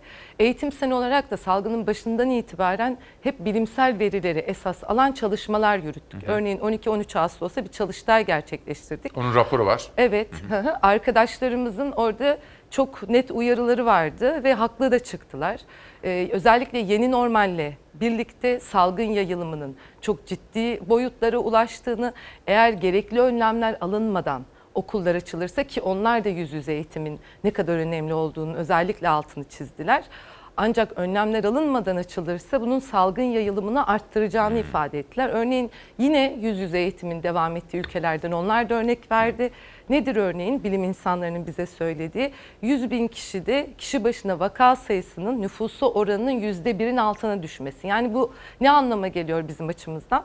Okulların e, kaygıları giderecek bir şekilde açılabilmesi için günlük vaka sayısının 600 ile 700 arasında olması gerekiyor. Oysa bizde şimdi binlerin üzerinde 1200 bazen 1500 Kesinlikle. arasında seyrediyor. Yani o zaman kriter olarak siz diyorsunuz ki bilim insanlarının söylediğine Kesinlikle. göre günlük vaka sayısı 500-600 civarında olması gerekir diyorsunuz. Evet, bizim açılması için. nüfusumuz açısından baktığımızda 500, e, 600, 600, Mesela bir şey 700 soracağım. arası. Mesela tuvalet konusu önemli ya. Şimdi Hı hı. bizim haberlerimizi de izleyeceğiz. Yeterli mi tuvaletler, temizlik imkanı var mı? Sabun işte geçen hafta Bir Gün Gazetesi'nin manşetindeydi. Verilerden sabun, işte Hı hı. kolonya vesaire isteniyor. Bu konudaki durum nedir? Aslında bu soruyu şu anda soruyor olmanız bile e, gerekli önlemlerin alınmadığını bize gösteriyor. Aslında artık bu soruları sormamamız gerekiyordu. Yani Milli Eğitim Bakanlığı'nın e, son derece şeffaf bir bilgi paylaşımı yaparak öğrencilerimize ilişkin sınıflarda, ortak kullanımlarda, alanlarında fiziksel mesafenin korunmasına ilişkin hangi önlemler alındı? Öğretmen arkadaşlarımıza, öğrencilerimize, tüm eğitim emekçisi arkadaşlarımıza düzenli ve ücretsiz test yapılacak mı? Gerekli öğretmen ataması e, şu an evet okul öncesi ve birler için başlıyor. Bir parantez açalım. Siz de o arada bir nefeslenin. Hı hı. Bir yudum suyunuzu için. Hı hı. Haberimiz vardı arkadaşlar. Bir dosya haber hazır mıyız? Haberi izleyelim. Sonra Feray Hanım'la sohbetimize devam edeceğiz. 180.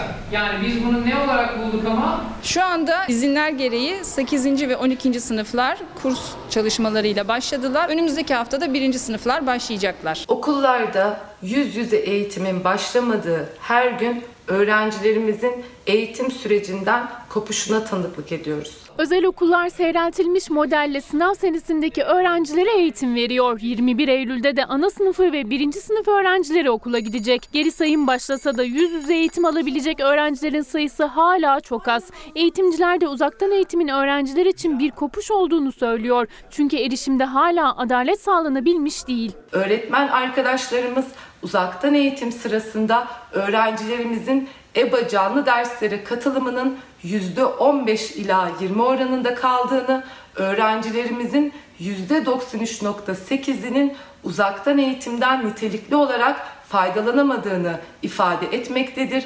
Eğitim Sen'in uzaktan eğitim çalıştığı raporuna göre öğretmenlere soru da sorulabilen canlı derslere katılım her 5 öğrenciden yalnızca biriyle sınırlı. Yüz yüze eğitim içinse tüm tedbirlerin çok sıkı bir şekilde alınması lazım ama okullar buna hazır değil. Gerekli ve yeterli önlemler bir an önce alınmalıdır.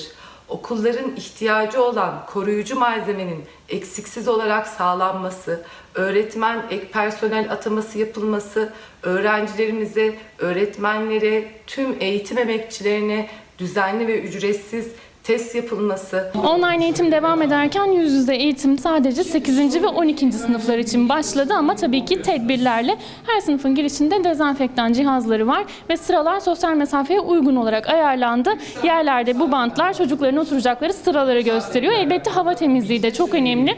Onun içinde sınıfların içinde havayı temizleyen cihazlar var. Online eğitim adı altında gayet iyi gidiyor. Tabii yüz yüze yapılan eğitimi e, herkes tercih ediyor. Özel okullarda 8 ve 12. sınıflara verilen eğitim aslında prova niteliğinde. Sıralar arasında mesafe var, öğrencilerde ise maske. Ancak bu ortamın tüm okullarda tüm öğrencilere uygulanabilmesi eğitim senine göre mevcut şartlarda mümkün değil. Hızla yapılması gerekense en azından uzaktan eğitim şartlarının düzeltilmesi. Öğrencilerimizin uzaktan eğitime erişim için ihtiyaç duyduğu tüm cihazlar ve internet erişim olanağı devlet tarafından ücretsiz olarak karşılanmalıdır. Eğitim Sen Başkanı'na soralım. Önce şunu bir kere daha sö- söyler misiniz? Okullar açılsın mı önce manşet olarak? Okullar gerekli ve yeterli önlemler alınarak açılmalı. Çok net Şu anda gerekli ve yeterli önlemler alındı mı? Ee, şu ana kadar gerekli ve yeterli önlemlerin alınmadığını görüyoruz. Yani kaygılarımız bakın hala aynı soruları soruyoruz. Aynı soruları cevaplamaya çalışıyoruz. Siz mesela dün Ankara'da Milli Eğitim Bakanı'na gidecektiniz. Hı hı. Görüşseydiniz. Şimdi önümüzdeki hafta herhalde görüşeceksiniz. Hı hı. Görüştüğünüzde ne soracaksınız ona mesela bu konularda? Benim size sorduğum soruları sorar mısınız? Ee, şu anda aslında şunu çok net olarak görüyoruz İsmail Bey. 16 Mart'ta salgında okulların kapalı kaldığı günden bugüne hem yüz yüze eğitimde yaşanılan hazırlıklar anlamında sorunların devam ettiğini görüyoruz. Hem de uzaktan eğitimde yaşanılan sorunların ve eşitsizliklerin devam ettiğini görüyoruz. Hem yüz yüze eğitim ve uzaktan eğitimde bu yaşanılan kaygılara ilişkin çok somut sorularımız olacaktı tabii ki. Ki ikisiyle ilgili de ayrıntılı çalıştay gerçekleştirdik ve bu çalışmaları da yaparken sadece sorunu tespit etme üzerinden yürütmedik bu çalışmaları. Neler yapılmalı? Çözüm. Neler yapılabilir? Evet sürekli çözümler arayan, yanıtlar üreten ve Milli Eğitim Bakanlığı'yla da tüm kamuoyuyla da e, hep bu hat üzerinden paylaştık bu süreci ve böyle devam edeceğiz. Çünkü bu sürecin ancak bilimsel veriyi, bilimsel bilgiyi esas alınarak şeffaf bilgiyle ve ortak akılla ve dayanışmayla yürütülebileceğini düşünüyoruz. güzel. Toplumsal mutabakatın esas alınmasını. Ve yine salgının başından itibaren sürekli yaptığımız çağrı sadece görüş iletme üzerine bir ilişki değil. Eğitim sendikalarıyla, öğretmenlerle, alanın tüm özneleriyle birlikte sürecin yürütülmesi. Var olan sahanın, eğitim alanının gerçek bilgisine sahip olan öğretmenler, öğretmen arkadaşlarımıza rağmen yürütülemez. Yine bir Batman'daki gerçeklikle bir Ankara'daki gerçeklik farklı. Hatta mahalleler arasında bile Tabii. olanaklar arasında ciddi farklılıklar var. Feray Hanım, şimdi hepimiz bu Atatürk Cumhuriyeti'nin bireyleriyiz ve anayasamız tarafından teminat altına alınan haklara sahibiz. Hı hı hı. Ve devletimizin de sosyal hukuk devleti olması vasfından kaynaklanan yükümlülükleri var. Bana, size, hepimize parasız eğitim ve parasız sağlık hizmeti vermek durumunda. Yani. Cumhuriyetin büyüsü bu. Her çocuk her makama ulaşabilir ve devlet ona her türlü imkanı sunacak. Şimdi Bir Gün Gazetesi dün yoksula eğitim çok uzak manşetiyle çıkarken bakın uzaktan eğitime erişim yoksullar için adeta imkansız diyor. Özellikle bilgisayarlaşma oranı açısından. Bir sonraki gazeteye geçelim. Sözcü gazetesi evde internet yok, bilgisayar yok, nasıl uzaktan eğitim olacak diye bir soru. Bu da bir üç çocuk babası bir garsonun sözleri. Ben geçen hafta tanıdığım öğretmenleri de aradım. Benim ailemde de öğretmenler var. Bir tanesi şunu söyledi. Bazı çocuklarımızın evinde bilgisayar yok. Evet. Hatta bazılarının evinde Hatta televizyon, televizyon yok. Evet. Ama dedi devlet şöyle bir imkan sundu dedi. En yakın, kendi okulunda değil, Hı hı hı. evine en yakın okula gittiğin zaman oradaki bilgisayar odasından da faydalanabiliyorsun Hı hı. dedi. Buradan da yola çıkarak eşitlik, eşitsizlik, fiziki koşullar, ekipman, eğitim ekipmanları konusunda ne söylersiniz? Aslında öncelikle e, şuradan başlamamız gerekiyor. Bu sorunları çok uzun süredir tespit ettik ve çok uzun süredir paylaştık ve 6 ay gibi uzun bir süre geçti İsmail Bey. Aslında şu an en temel sorumuz Milli Eğitim e, Bakanı, Sayın Bakan en son gerçekleştirdiği basın toplantısında 1,5 milyon çocuğun hiçbir şekilde e, uzaktan eğitime erişimi olmadığını söyledi. Ancak elimizdeki veriler böyle olmadığını gösteriyor. Hangi veriler? UNICEF'in PISA raporlarının yine paylaştığı Hı hı. veriler. Ee, buradaki veriler üzerinden Ne görüyoruz ki 6 milyon çocuğun bizim ülkemizde şu anda ki 18 milyonu aşkın öğrenci sayımız üzerinden değerlendirdiğimizde gerçekten korkunç bir oran. Bırakın nitelikli bir şekilde eğitime ulaşmayı, erişmeyi hiçbir şekilde erişemedi ki bu bir buçuk milyon rakamının şu anlamda da zaten çok büyük bir karşılığı yok. Ee, örgün eğitim dışında da açık öğretim üzerinden de devam eden öğrencilerimizin sayısı sadece bir buçuk milyon. Özellikle kırsal kesim üzerinden ifade etmişti Milli Eğitim Bakanı o toplantıda. 6 milyon çocuğun hiçbir şekilde uzaktan eğitime erişimi için internet olanağının olmadığını, gerekli cihazlara sahip olmadıklarını görüyoruz. Ama bu kadar uzun bir süre geçmesine rağmen nasıl bu ihtiyaçlar karşılanmaz? Siz de söylediniz. Kamusal eğitim devletin sorumluluğu. Eğer eğitim hak olmaktan çıkarsa ayrıcalık haline gelir.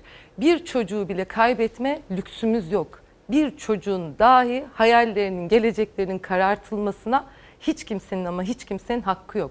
Peki 6 ay kadar uzun bir süre geçmesine rağmen bakın 31 Ağustos'ta uzaktan eğitim başladı. Şu anda telafi eğitimi süreciyle birlikte. Evet. Ve bakın biz hala salgının başında biz bunu e, daha salgının başında 16 Mart'ta okullar kapatıldığında uzaktan eğitim başlamadan dedik. Kamusal eğitim devletin sorumluluğudur. Çok hızlı bir şekilde uzaktan eğitime erişemeyen öğrencilerimizin ihtiyaçları tespit edilmeli ve devlet tarafından ücretsiz karşılanmalı internet erişim sorunu çözülmelidir dedik. Bunu yapan ülkeler oldu. Örneğin New York'ta sadece bir buçuk ay içerisinde 270 bin cihaz dağıtıldı. Ya çeşitli ülkelerde bu gerçekleşti. Zaten bu sürecin en önemli e, noktası bizim açımızdan yıllardır özlük mesleki haklarımızla birlikte kamusal eğitim mücadelesi veriyoruz öğrencilerimiz için. Bu salgında kamusal eğitimin eşit, ücretsiz, düzenli, sürekli ulaşılabilir eğitimin ne kadar yaşamsal olduğunu bir kez daha gördük. Bir de şunu da özellikle belirtmek istiyorum. Mesele tek başına erişim de değil, EBA destek noktalarından bahsettiniz. Evet. Örneğin e, mevsimlik tarım işçisi çocukların bulunduğu tarlalara ve şu ifadeyle hafta sonu tatilini ailelerinin yanında geçiren yani yoksulluğun üzeri, eşitsizliğin üzeri ancak bu kadar örtülebilir. Kelime oyunlarıyla makyaj evet, yaptılar. Yani Milli Eğitim Bakanı'nın, Milli Eğitim Bakanlığı'nın yapması gereken onları tarlalarda ziyaret etmek midir? Oraya EBA destek noktaları götürmek midir ki tarlada çalıştırılan bir çocuk için ne karşılığı olabilir or- oraya o aracın gitmesinin? Nedir görevi? Çocuk işçiliğini durdurmak ve çocukları o tarlalardan çıkarmak. Okula. Ve yine en temel sorun mesele sadece erişimde değil, ders içerikleriyle ilgili çok ciddi bir problem var. Uzaktan eğitimin yapılandırılmasına ilişkin bir problem var.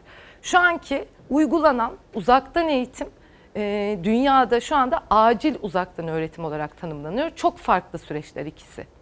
Uzaktan eğitim uzun süreli, planlı, hedefli, aşamaları olan bir süreç. Şu an bizim yaşadığımız ani, akut bir duruma ilişkin önlemler alınması. Bir şey soracağım. Şimdi biz biraz evvel de söyledim ya benim tanıdığım devlet okullarında öğretmen, müdür, Hı hı. tanıdıklarım var, hı hı. akrabalarım var. Onlarla da konuşuyorum. Fakat bir taraftan meselenin diğer boyutlarını anlamak için Hı hı. işte mesela Enver Yücel olsun, Hı hı. Ahmet Hançerlioğulları, Türk Eğitim Derneği Başkanı Selçuk Hı Bey hı. onlarla da konuşuyorum. Onlar Hı hı. şunu soruyorlar bana. Tabii kaygılarımı görüyorlar. Hı hı. Diyorlar ki işte kendi yaptıklarını anlatıyorlar. Tabii özel sektör Hı hı. imkanları var. Onlar almış başını gidiyor. Çocuklarına sürekli eğitim veriyorlar fakat eşitsizlik. Şu soruyu soruyorlar. Diyor ki İsmail tamam iyi güzel eleştiriyorsun kaygı ve endişelerin de Hı var hı. ama sokaklar okuldan daha mı güvenli diye bir soru soruyorlar bana onlar. Ee, o konuda zaten en başta ifade ettim İsmail Bey. Kesinlikle okul başlı başına bir güvence. Çok büyük bir güvence öğrenci için. Bunu hep altını çizdik ve defalarca ifade etmeye devam edeceğiz. Yüz yüze eğitim bütün öğrencilerimiz, mesele sadece akademik başarı meselesi değil. Öğrencinin öğrenciyle kurduğu ilişki, öğrencinin öğretmenle kurduğu ilişki, mekanla kurduğu ilişki, spor yapması, sanatsal aktivitelerde bulunması, kendini ifade edebilmesi, e, herhangi bir şekilde e, ki en çok ve en çok psikolojik danışman ve rehber öğretmen arkadaşlarımızın bu konuda emeği çoktur. Örneğin çocuk istismarı vakaların ortaya çıkarılması Hmm. her anlamda çok büyük bir güvence. Ancak hani bu, bu zaten tartışılmaz. Tamam. Tüm dünya genelinde tartışılmaz. Ancak yine az önce belirttiğim gibi yeterli ve gerekli önlemler alınmazsa da örneğin İsrail'i yaşayabiliriz. İsrail Umarım- yeniden kapattı dün. Evet, Her evet şeyi çok kapattı. gerekli bir şekilde koşulları sağlamadı. Hızlıca açtı. İki hafta sonra Hmm. öğretmenler, öğrenciler karantina altına alınmaya başladı. Şurada çok hızlı şunu söylemek istiyorum. Örneğin ne oluyor mesela okulların açılması için önceliğimiz ne olmalı? Ne? Mesela Trump, Johnson gibi çeşitli siyasal aktörler diyor ki salgın yayılımı olsa da devam etse de Açacağım. vakaları açacağım. Bunu e, kendi siyasi geleceği üzerine kurguluyor. Şimdi bizde böyle mi olacak? Böyle mi görüyoruz? Ya da sınav süreçleri yaşadık ya da birçok alanda özel okul sahipleriyle defalarca bir araya gelindi ve bütün talepleri gerçekleştirildi. Örneğin turizm şirketleri veya özel okul sahiplerinin mi önceliği esas alınacak? Çocuğun üstün yararı mı esas alınacak? Bütün adımlar Anladım. bu şekilde atılmalı. O yüzden evet okul öncesi birinci sınıfın açılması önemli yaş grupları açısından. Kreşler. Evet ve şu da çok büyük bir soru işareti. Bakın baştan ikinci sınıfta konuşuluyordu. Başka sınıflarda konuşuluyordu. Şu an ikinci sınıfta da yine biliyorsunuz geçen sene 16 Mart'ta okuma yazma süreçlerini tamamlayamadan kapandı okullar. Ve şu anda okulda yine olması öncelikli olan kesimlerden biri ama hiç tartışılmıyor. O zaman şöyle de bir iki gerçeklikle karşı karşıyayız. Bir, bu bize okulların hazırlıklı olmadığını gösteriyor. Yeterince daha fazla öğrencinin gelebilmesi için. Ee, yine diğer neyi gösteriyor bize? 10-19 yaş arası yine bilim insanlarının bize söylediği taşıyıcılık oranı çok fazla. Çocukların salgın yayılımının aslında ne kadar var olan rakamların çok ötesinde ciddi boyutlarda olduğunu gösteriyor bize. Bir merak ettim sizi dinlerken aklıma geldi. Hani okul öncesi ve birinci sınıflar Hı hı. başlıyor ya. Hı hı hı. Öbür sınıfların başlamaması henüz sizin tarafınızdan nasıl yorumlanıyor? Doğru mu bu karar kademeli geçiş yoksa ne Ya önerirsiniz? şu an hani salgın yayılımı ile birlikte tabii ki kademeli geçişe ilişkin şimdi şu- e, bi- bir itirazımız olamaz. Ancak asıl alanın yine az önce ifade ettiğim gibi çocuğun üstün yararını esas alan bir yerden hareket edilerek tüm öğrencilerimiz için e, bu koşulların sağlanması, salgın yayılımı artabilir. Bu önlem almak için e, gerekçe olamaz. Ya Milli Eğitim Bakanı açıkça şu an e, şunu bilmemiz gerekmez miydi? Ben bir veliyim aynı zamanda hem öğretmenim hem veliyim. Tüm velilerin, tüm öğretmenlerin, tüm eğitim emekçilerin okul okul birinci sınıf okul öncesi açılacak değil mi? Hiç bu soruları sormadan hangi önlemler alındığını ben örneğin Cumhuriyet İlkokulu'nda benim öğrencim şu anda emin olmam gerekmez miydi? Sınıflar kaç kişi olacak? Emin misiniz? Şu an bu bilgiye, e, bu şeffaflıkta hiçbirimiz sahip Mesela değiliz şu çocuğunuzun anda. kaç kişilik sınıfta okuyacağını bilmiyorsunuz değil mi şu anda? Bir veli olarak soruyorum. Evet, aha, şu an benim 11. sınıfta e, oğlum. Ben herhangi bir veli üzerinden ve bir, hera- bir öğretmen olarak soruyorum bu soruları. Peki çocuğunuza okula giderken veya çocuğunuzun öğretmenlerine test yapılıp yapılmayacağına dair bir bilgiye sahip misiniz? Hayır. Değilsiniz. Evet. Başka hangi soruya gerek var ki o zaman? İşte tam da bunu hep ifade etmeye çalışıyorum. anladım. Yani bu soruların hiçbirini sormuyor olmamız gerekiyor. O kadar aslında. güven içinde yollamamız gerekiyor. Kesinlikle. Peki bu sorulara sahip değilseniz Hı hı. bir veli olarak soruyorum yeniden. Çocuğunuzu, çocuğunuzun adı ne? Ozan. Ozan'ı okula gönderir misiniz? E, kaygılarım devam ettiği sürece evet e, bu konuda e, göndermemeyi de düşünürüm. Evet yüz yüze eğitim benim için önemli. Göndermemeyi düşünürüm. Ancak burada da mesela şunları konuşmamız gerekiyor. Biliyorsunuz tercihine bırakıldı velilerin. E, burada tercih meselesi çok önemli ama siz bir konuda özgürce tercih hakkınızı kullanmanız Anladım. için eşit koşullara sahip bilgilere olmanız sahip gerekiyor. olmanız. Evet. Örneğin siz ve eşiniz çalışıyorsunuz e, ve çalışmak zorundasınız e, ve bırakacağınız herhangi biri de yok çocuğunuzu. Yeterli önlemlerin alınmadığı okula göndermek zorunda kalabilirsiniz. Buradaki temel mesele bu. Peki bu eşitliğin sağlanması için ne yapılması gerekiyor? Bir reklama gidelim. Hı. Ben size bir sade kahve ikram edeyim. Tamam. Sonra dönelim. Hı hı. Öğretmenler, öğrenciler, velilerle ilgili bu sorulara devam edelim. Evet efendim İsmail Küçükkaya ile Demokrasi Meydanı eğitim özel manşetiyle reklamlardan sonra devam edecek. 15 Eylül 2020 Salı sabahında İsmail Küçükkaya ile Demokrasi Meydanı'nda eğitim konusunu tartışıyoruz. Ankara'dan sizler için gelen bir konuğum var. Özel bir konuk. Zaman zaman haberlerimizde onu görüşlerini biliyorsunuz, tanıyorsunuz. Eğitim Sen Başkanı Feray Aydoğan. Çok soru var hocam. Hı hı. Özellikle öğretmenler. Hı hı. Uzaktan eğitime ilişkin detaylar soruluyor. Öğrenciler ve öğretmenler bakımından. Öğretmenleri sormak istiyorum. İl dışı tayinlerle ilgili sorular var. Hı hı hı. Bütün bunları sizlere soracağım. Ama şu andan itibaren Savaş Yıldız kardeşim yönetmen koltuğunda eğitim eşitsizlik diyeceğiz ki aradığımız şu. Eğitimde fırsat eşitliği. Öğretmen ekrana bir şey yansıttığında öğrenciler göremiyor. Orada bir karışıklık olabiliyor. Bazı özel okullarda başladı yüz yüze 8 ve 12'de. Ben özel okula gitmediğim için şu an gitmiyorum. Devletteyim. İsterdim ama belli bir düzen oluşturulması lazım. Çok karışmamış mı? Mesela siz devlet okulundasınız.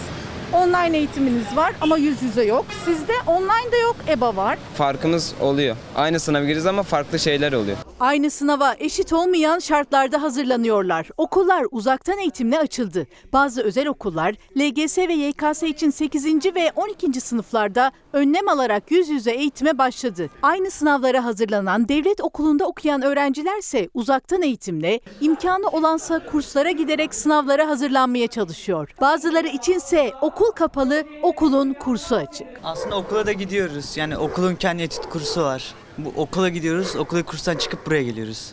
Yani kurs açık ama okul kapalı öyle mi? Evet, okulun kursu açık ama. Okula gidiyoruz, kursu da girip çıkıp buraya geliyoruz. Okul yok ama okulun kursu var. Birazcık garip geliyor. Okul açık değil ama dershane açık. Evet yani ne mantık? Orası açıkken orası da açılması lazım. Bence 12. ve 8. sınıflar başlaması lazım önlemler.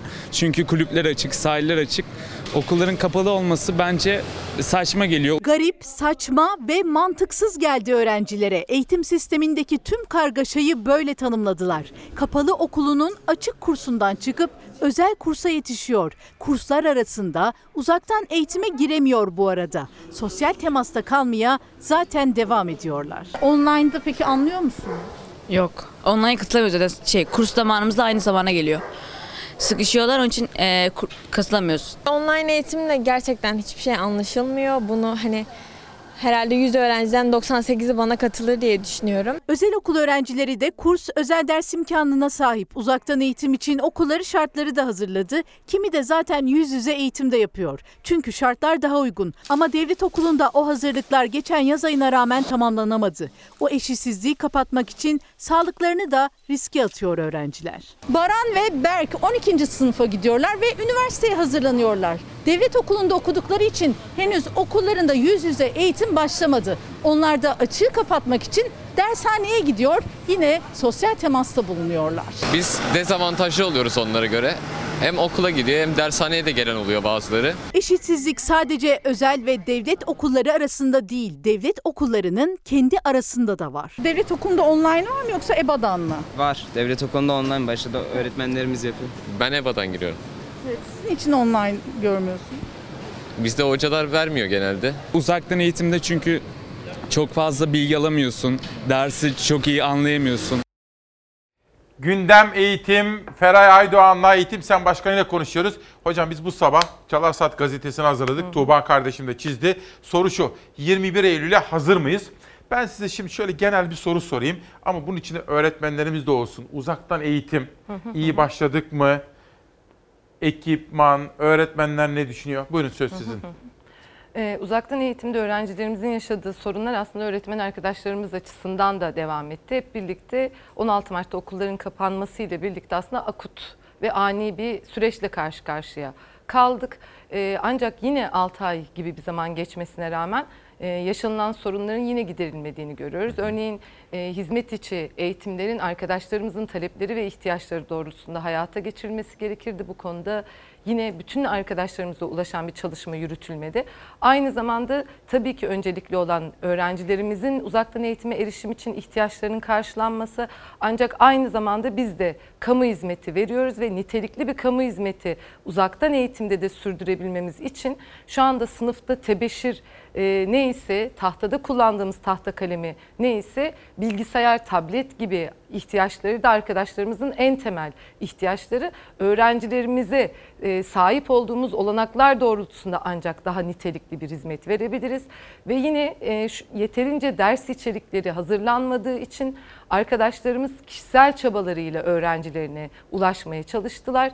Ders içeriklerinin zenginleştirilmesi gerekiyor ve deneyim paylaşımı. Örneğin bazı arkadaşlarımız yine gerçekleştirdiğimiz çalıştaylarda e, uzaktan eğitim sırasında da hikaye canlandırmalardan birlikte e, resim yapma, oyun etkinliklerine kadar çok sayıda kişisel çabalarıyla deneyimler gerçekleştirilmiş durumda.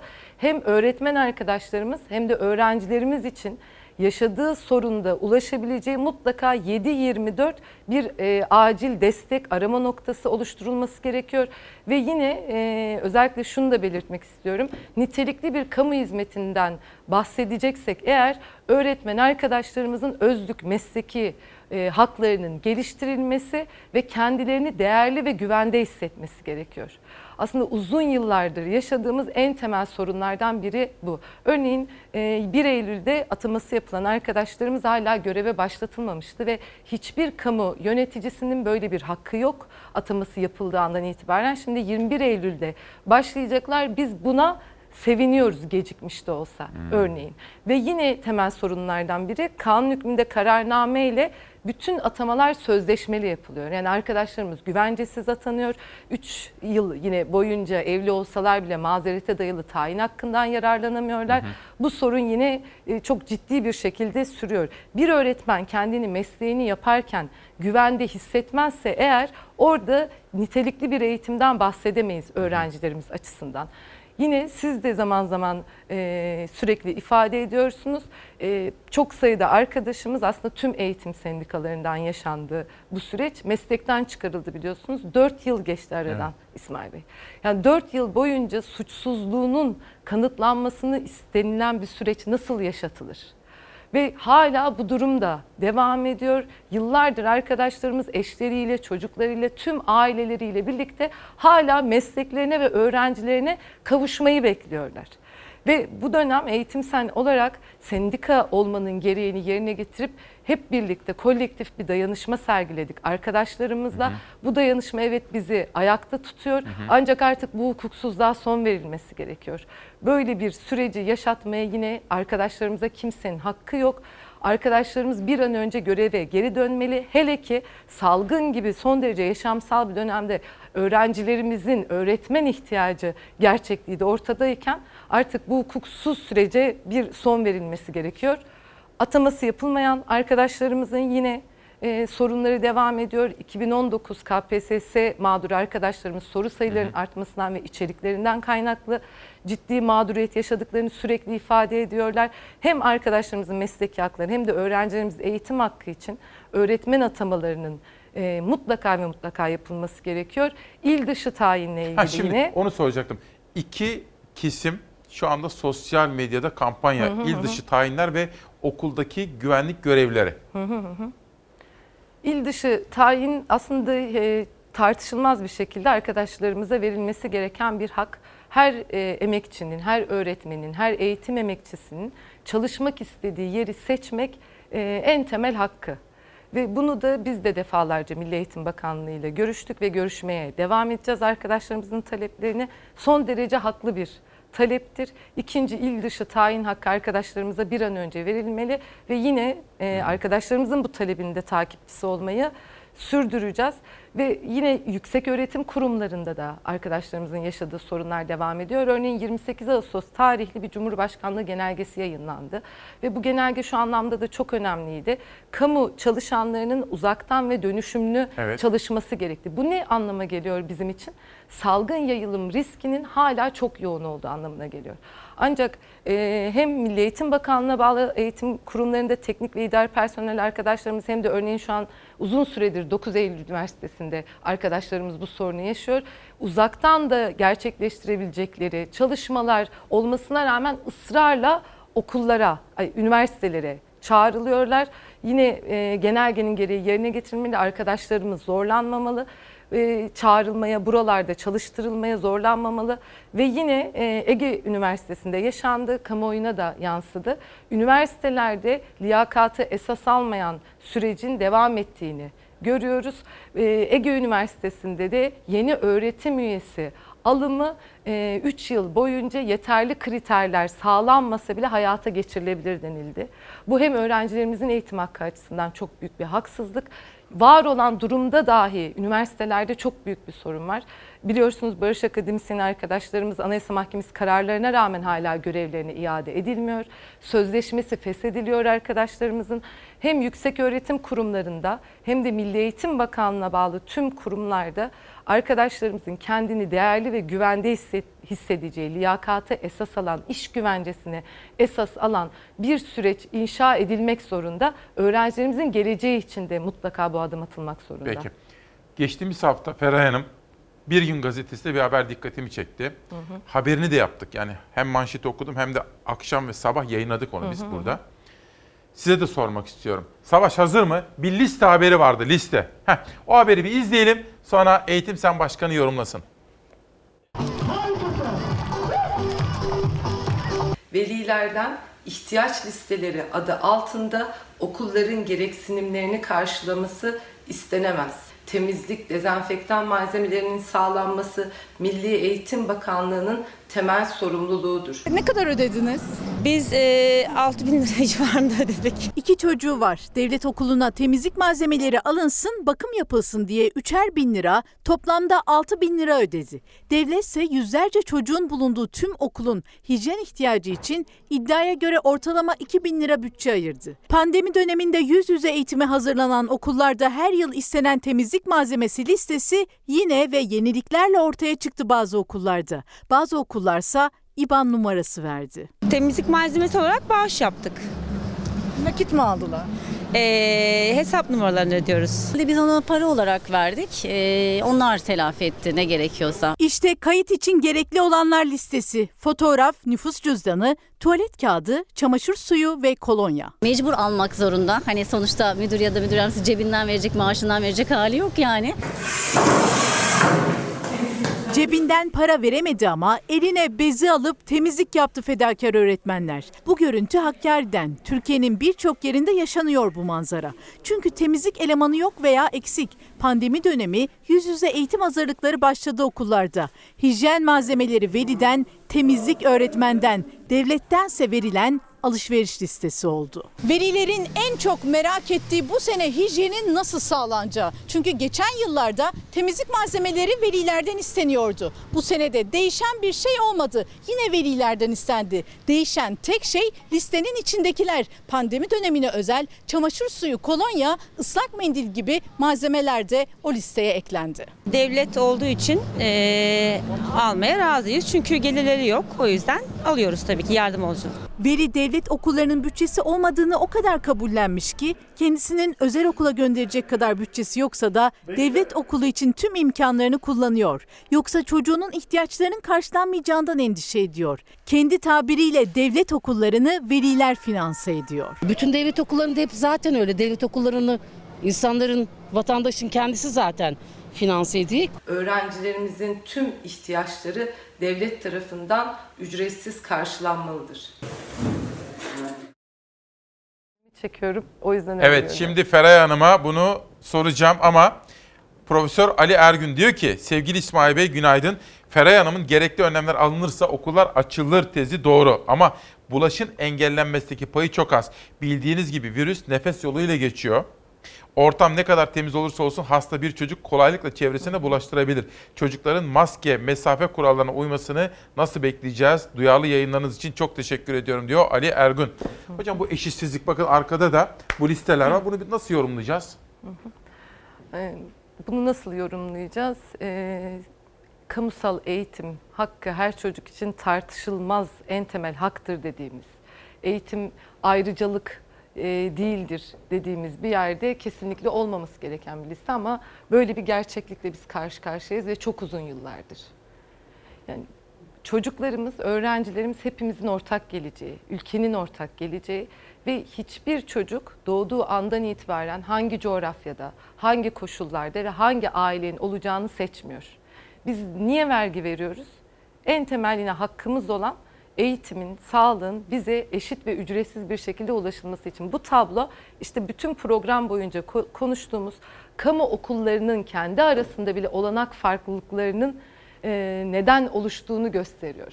Ve yine e, sürekli bana sorduğunuz soru okullar hazır hazır mı? Okullar salgına hazır mı bu koşullarda? Temizlik malzemelerinin dahi velilerden istediği koşullarda hazır mı? Ve her geçen yıl eğitime ayrılan bütçenin ki bunun bir tercih meselesi olduğunu düşünüyoruz. Kamu kaynaklarının e, eğer siz eğitimi kamusal bir hizmet olarak görüyorsanız, alınıp satılabilir bir hizmet olarak nitelendirmiyorsanız eğer mutlaka ve mutlaka kamu kaynakları hele ki salgın gibi bu kadar yaşamsal bir süreçten geçerken eşitsizlikler öğrencilerimiz açısından bu kadar derinleşmişken ne için kullanılmalı?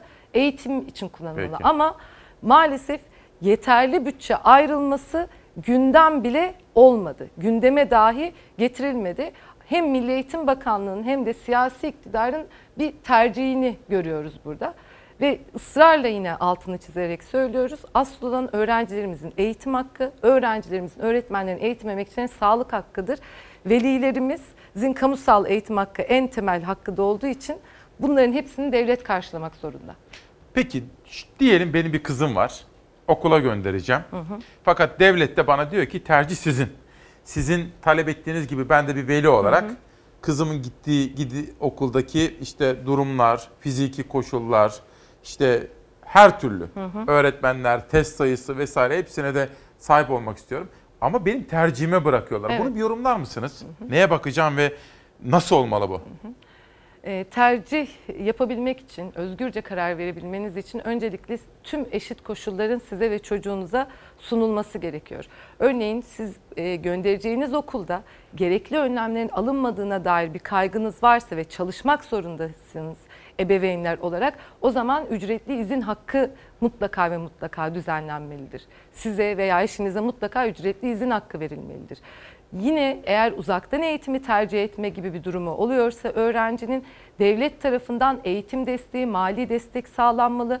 Öğrencinin uzaktan eğitime ulaşabilmesi için gerekli cihazlar yine ücretsiz olarak karşılanmalıdır. EBA erişim destek noktalarının sayısı mutlaka ve mutlaka arttırılmalı. Eğer kullanmak istiyorsa öğrencilerimiz burayı çok sayıda seçenek sunulmalıdır. Peki. Tek başına tercihine bırakıyorumla sınırlı Böyle olmaz. Olmaz, kesinlikle Peki. olmaz. Şimdi size birkaç soru soracağım. Bu arada çayımız da gelsin arkadaşlarım da yardımcı olsunlar bize. Bir çay canım çekti de hocam siz bir çay, çay içelim. Hı hı. Şimdi Bir Gün Gazetesi uzaktan eğitim öğrencileri 3 sınıfa ayırdı. 1. Uzaktan eğitime erişenler. 2. Uzaktan eğitime kısmen erişenler. 3. Hiç erişemeyen çocuklar diye bir soru geliyor efendim. Bunu nasıl yorumlarsınız? E, cihaz eksikliğinden 6 milyon öğrencimizin kesinlikle uzaktan eğitime hiçbir şekilde ulaşamadığından bahsettik ama sorun sadece cihaz meselesi değil.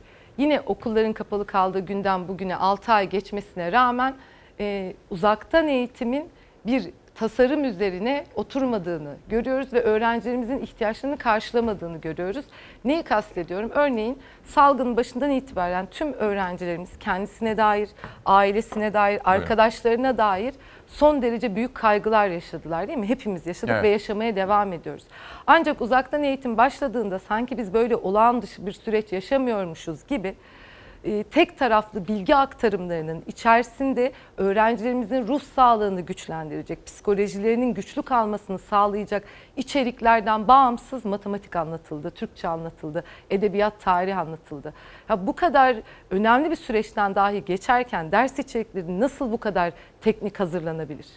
Ve yine e, ders süreleri, ders hızları, öğrenci öğretmen etkileşimine ilişkin sorunlar devam ediyor. Örneğin şu anda e, İsmail Bey yüzün üzerinde öğrenciden sorumlu arkadaşlarımız var uzaktan eğitim sırasında. Vay be. Yüzün yüzün üstünde öğrenciden Nasıl baş edeceğim ki onunla? Evet bu nasıl örneğin bu kadar uzun sürede planlanamaz? Mümkün müdür hı. öğrenciyle öğretmen arasındaki etkileşim, öğrenciyle öğrenci arasındaki etkileşim? Ve yine en önemli meselelerden biri eğitimin en temel ilkelerinden birisi devamlılık ilkesi. Devamlılığı takip eden bir e, mekanizma hala yaratılmamış durumda. Örneğin yine bir arkadaşımız Pardon, gerçekleştirdiğimiz pardon, pardon. Sözünüzü kestiğim Hı için özür dilerim ama tam anlamak istiyorum.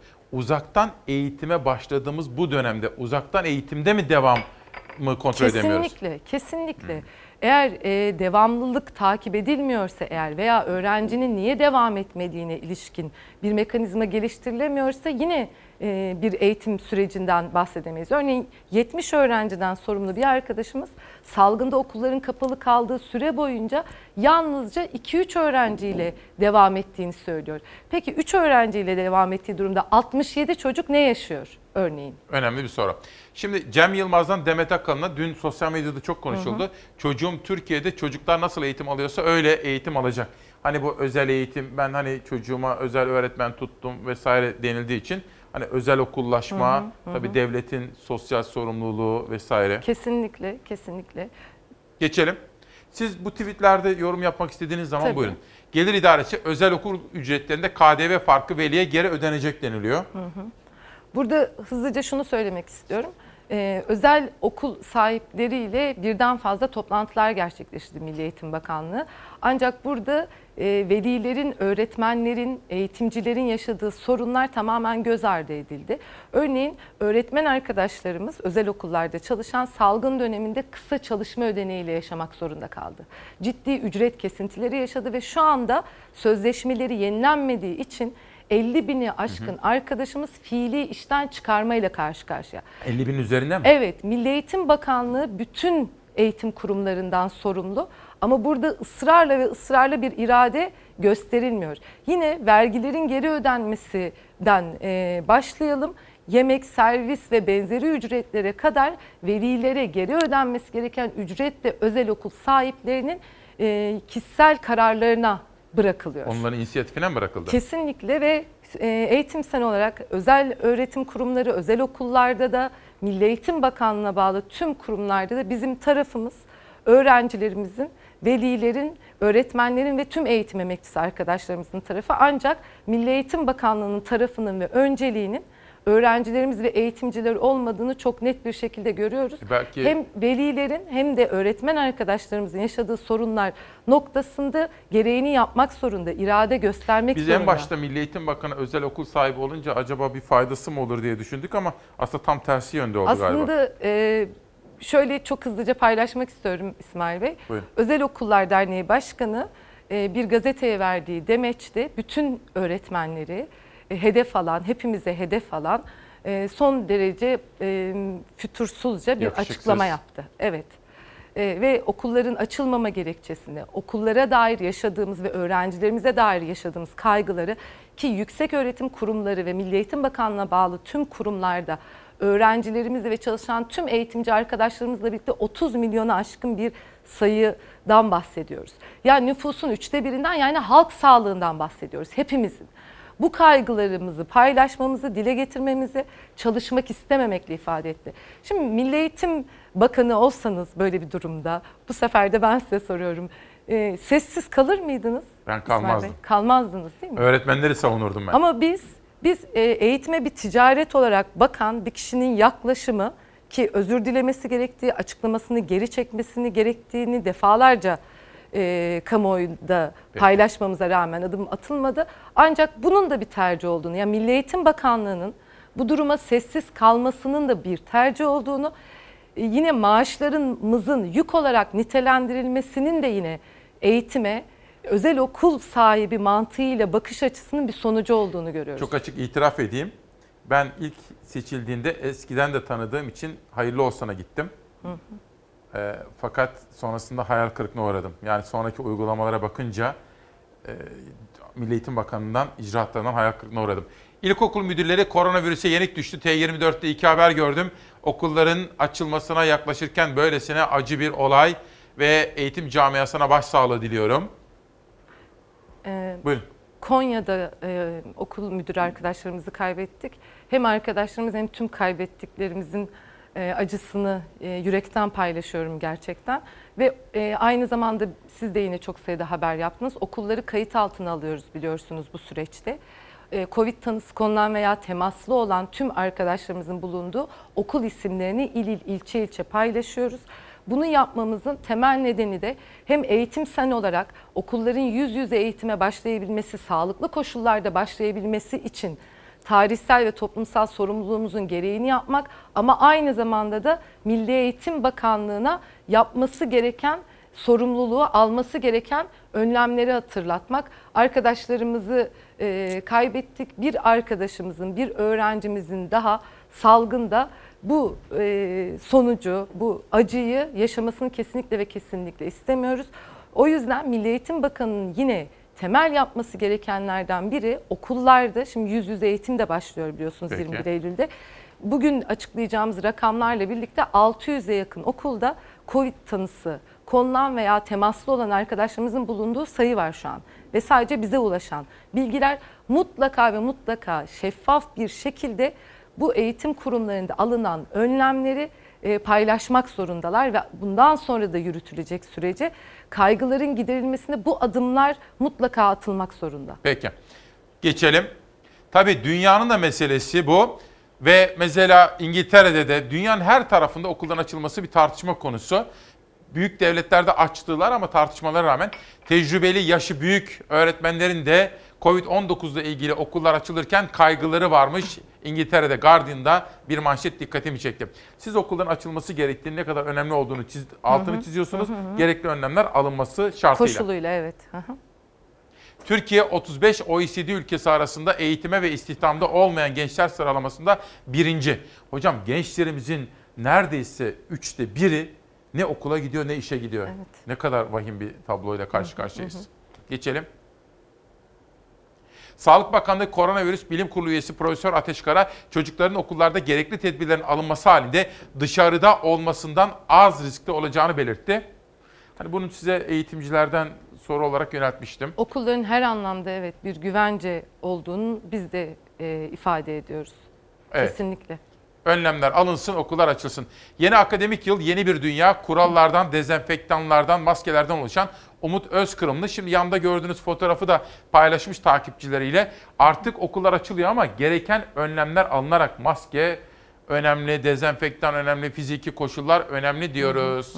Bir sonraki son manşet gelecek ve hocamıza son sö- sözünü bırakacağım. Bakanlıktan anaokulu ve ilkokul birinci sınıf düzeyindeki özel öğrenciler için okuma yazma seti diyor efendim. Son sözünüzü alabilir miyim? Okulların açılmasına artık çok az bir zaman kala. Ne söylemek istersiniz? Buyurun.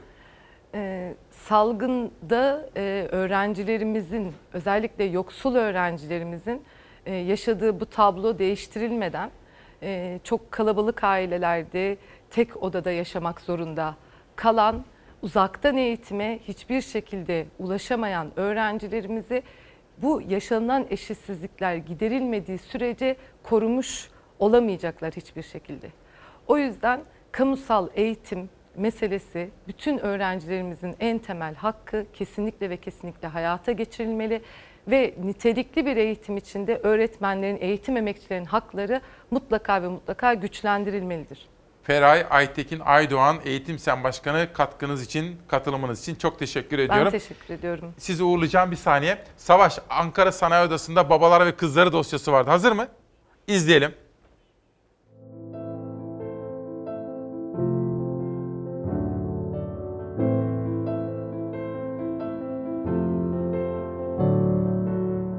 Çok şanslıydım. Hep çok sevgi dolu bir babam vardı. Ve onun için açıkçası hani böyle bir şeye ben balıklama atladım. Ha dünyanın en kolay işi babayla çalışmak diye. Fakat babam iş yerinde başka bir insanmış. Ben karşıma alıp ikisine dedim ki yanlışlarınız var. Hani nasıl ayakta durdunuz bugüne kadar bensiz?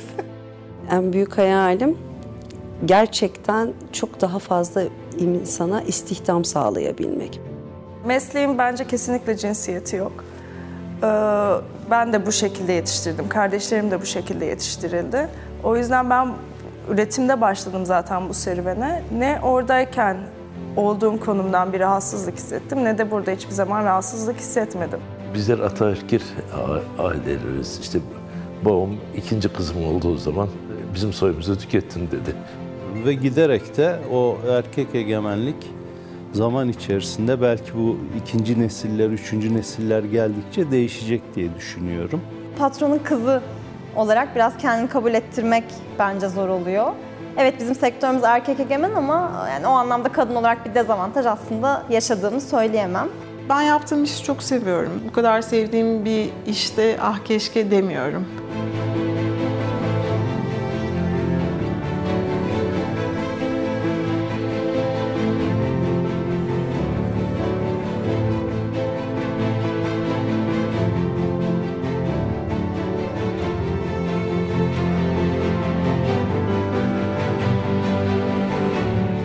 Ankaralı sanayiciler olarak bu hedeflere kadın girişimci ve sanayicilerimiz olmadan ulaşamayacağımızın bilincindeyiz.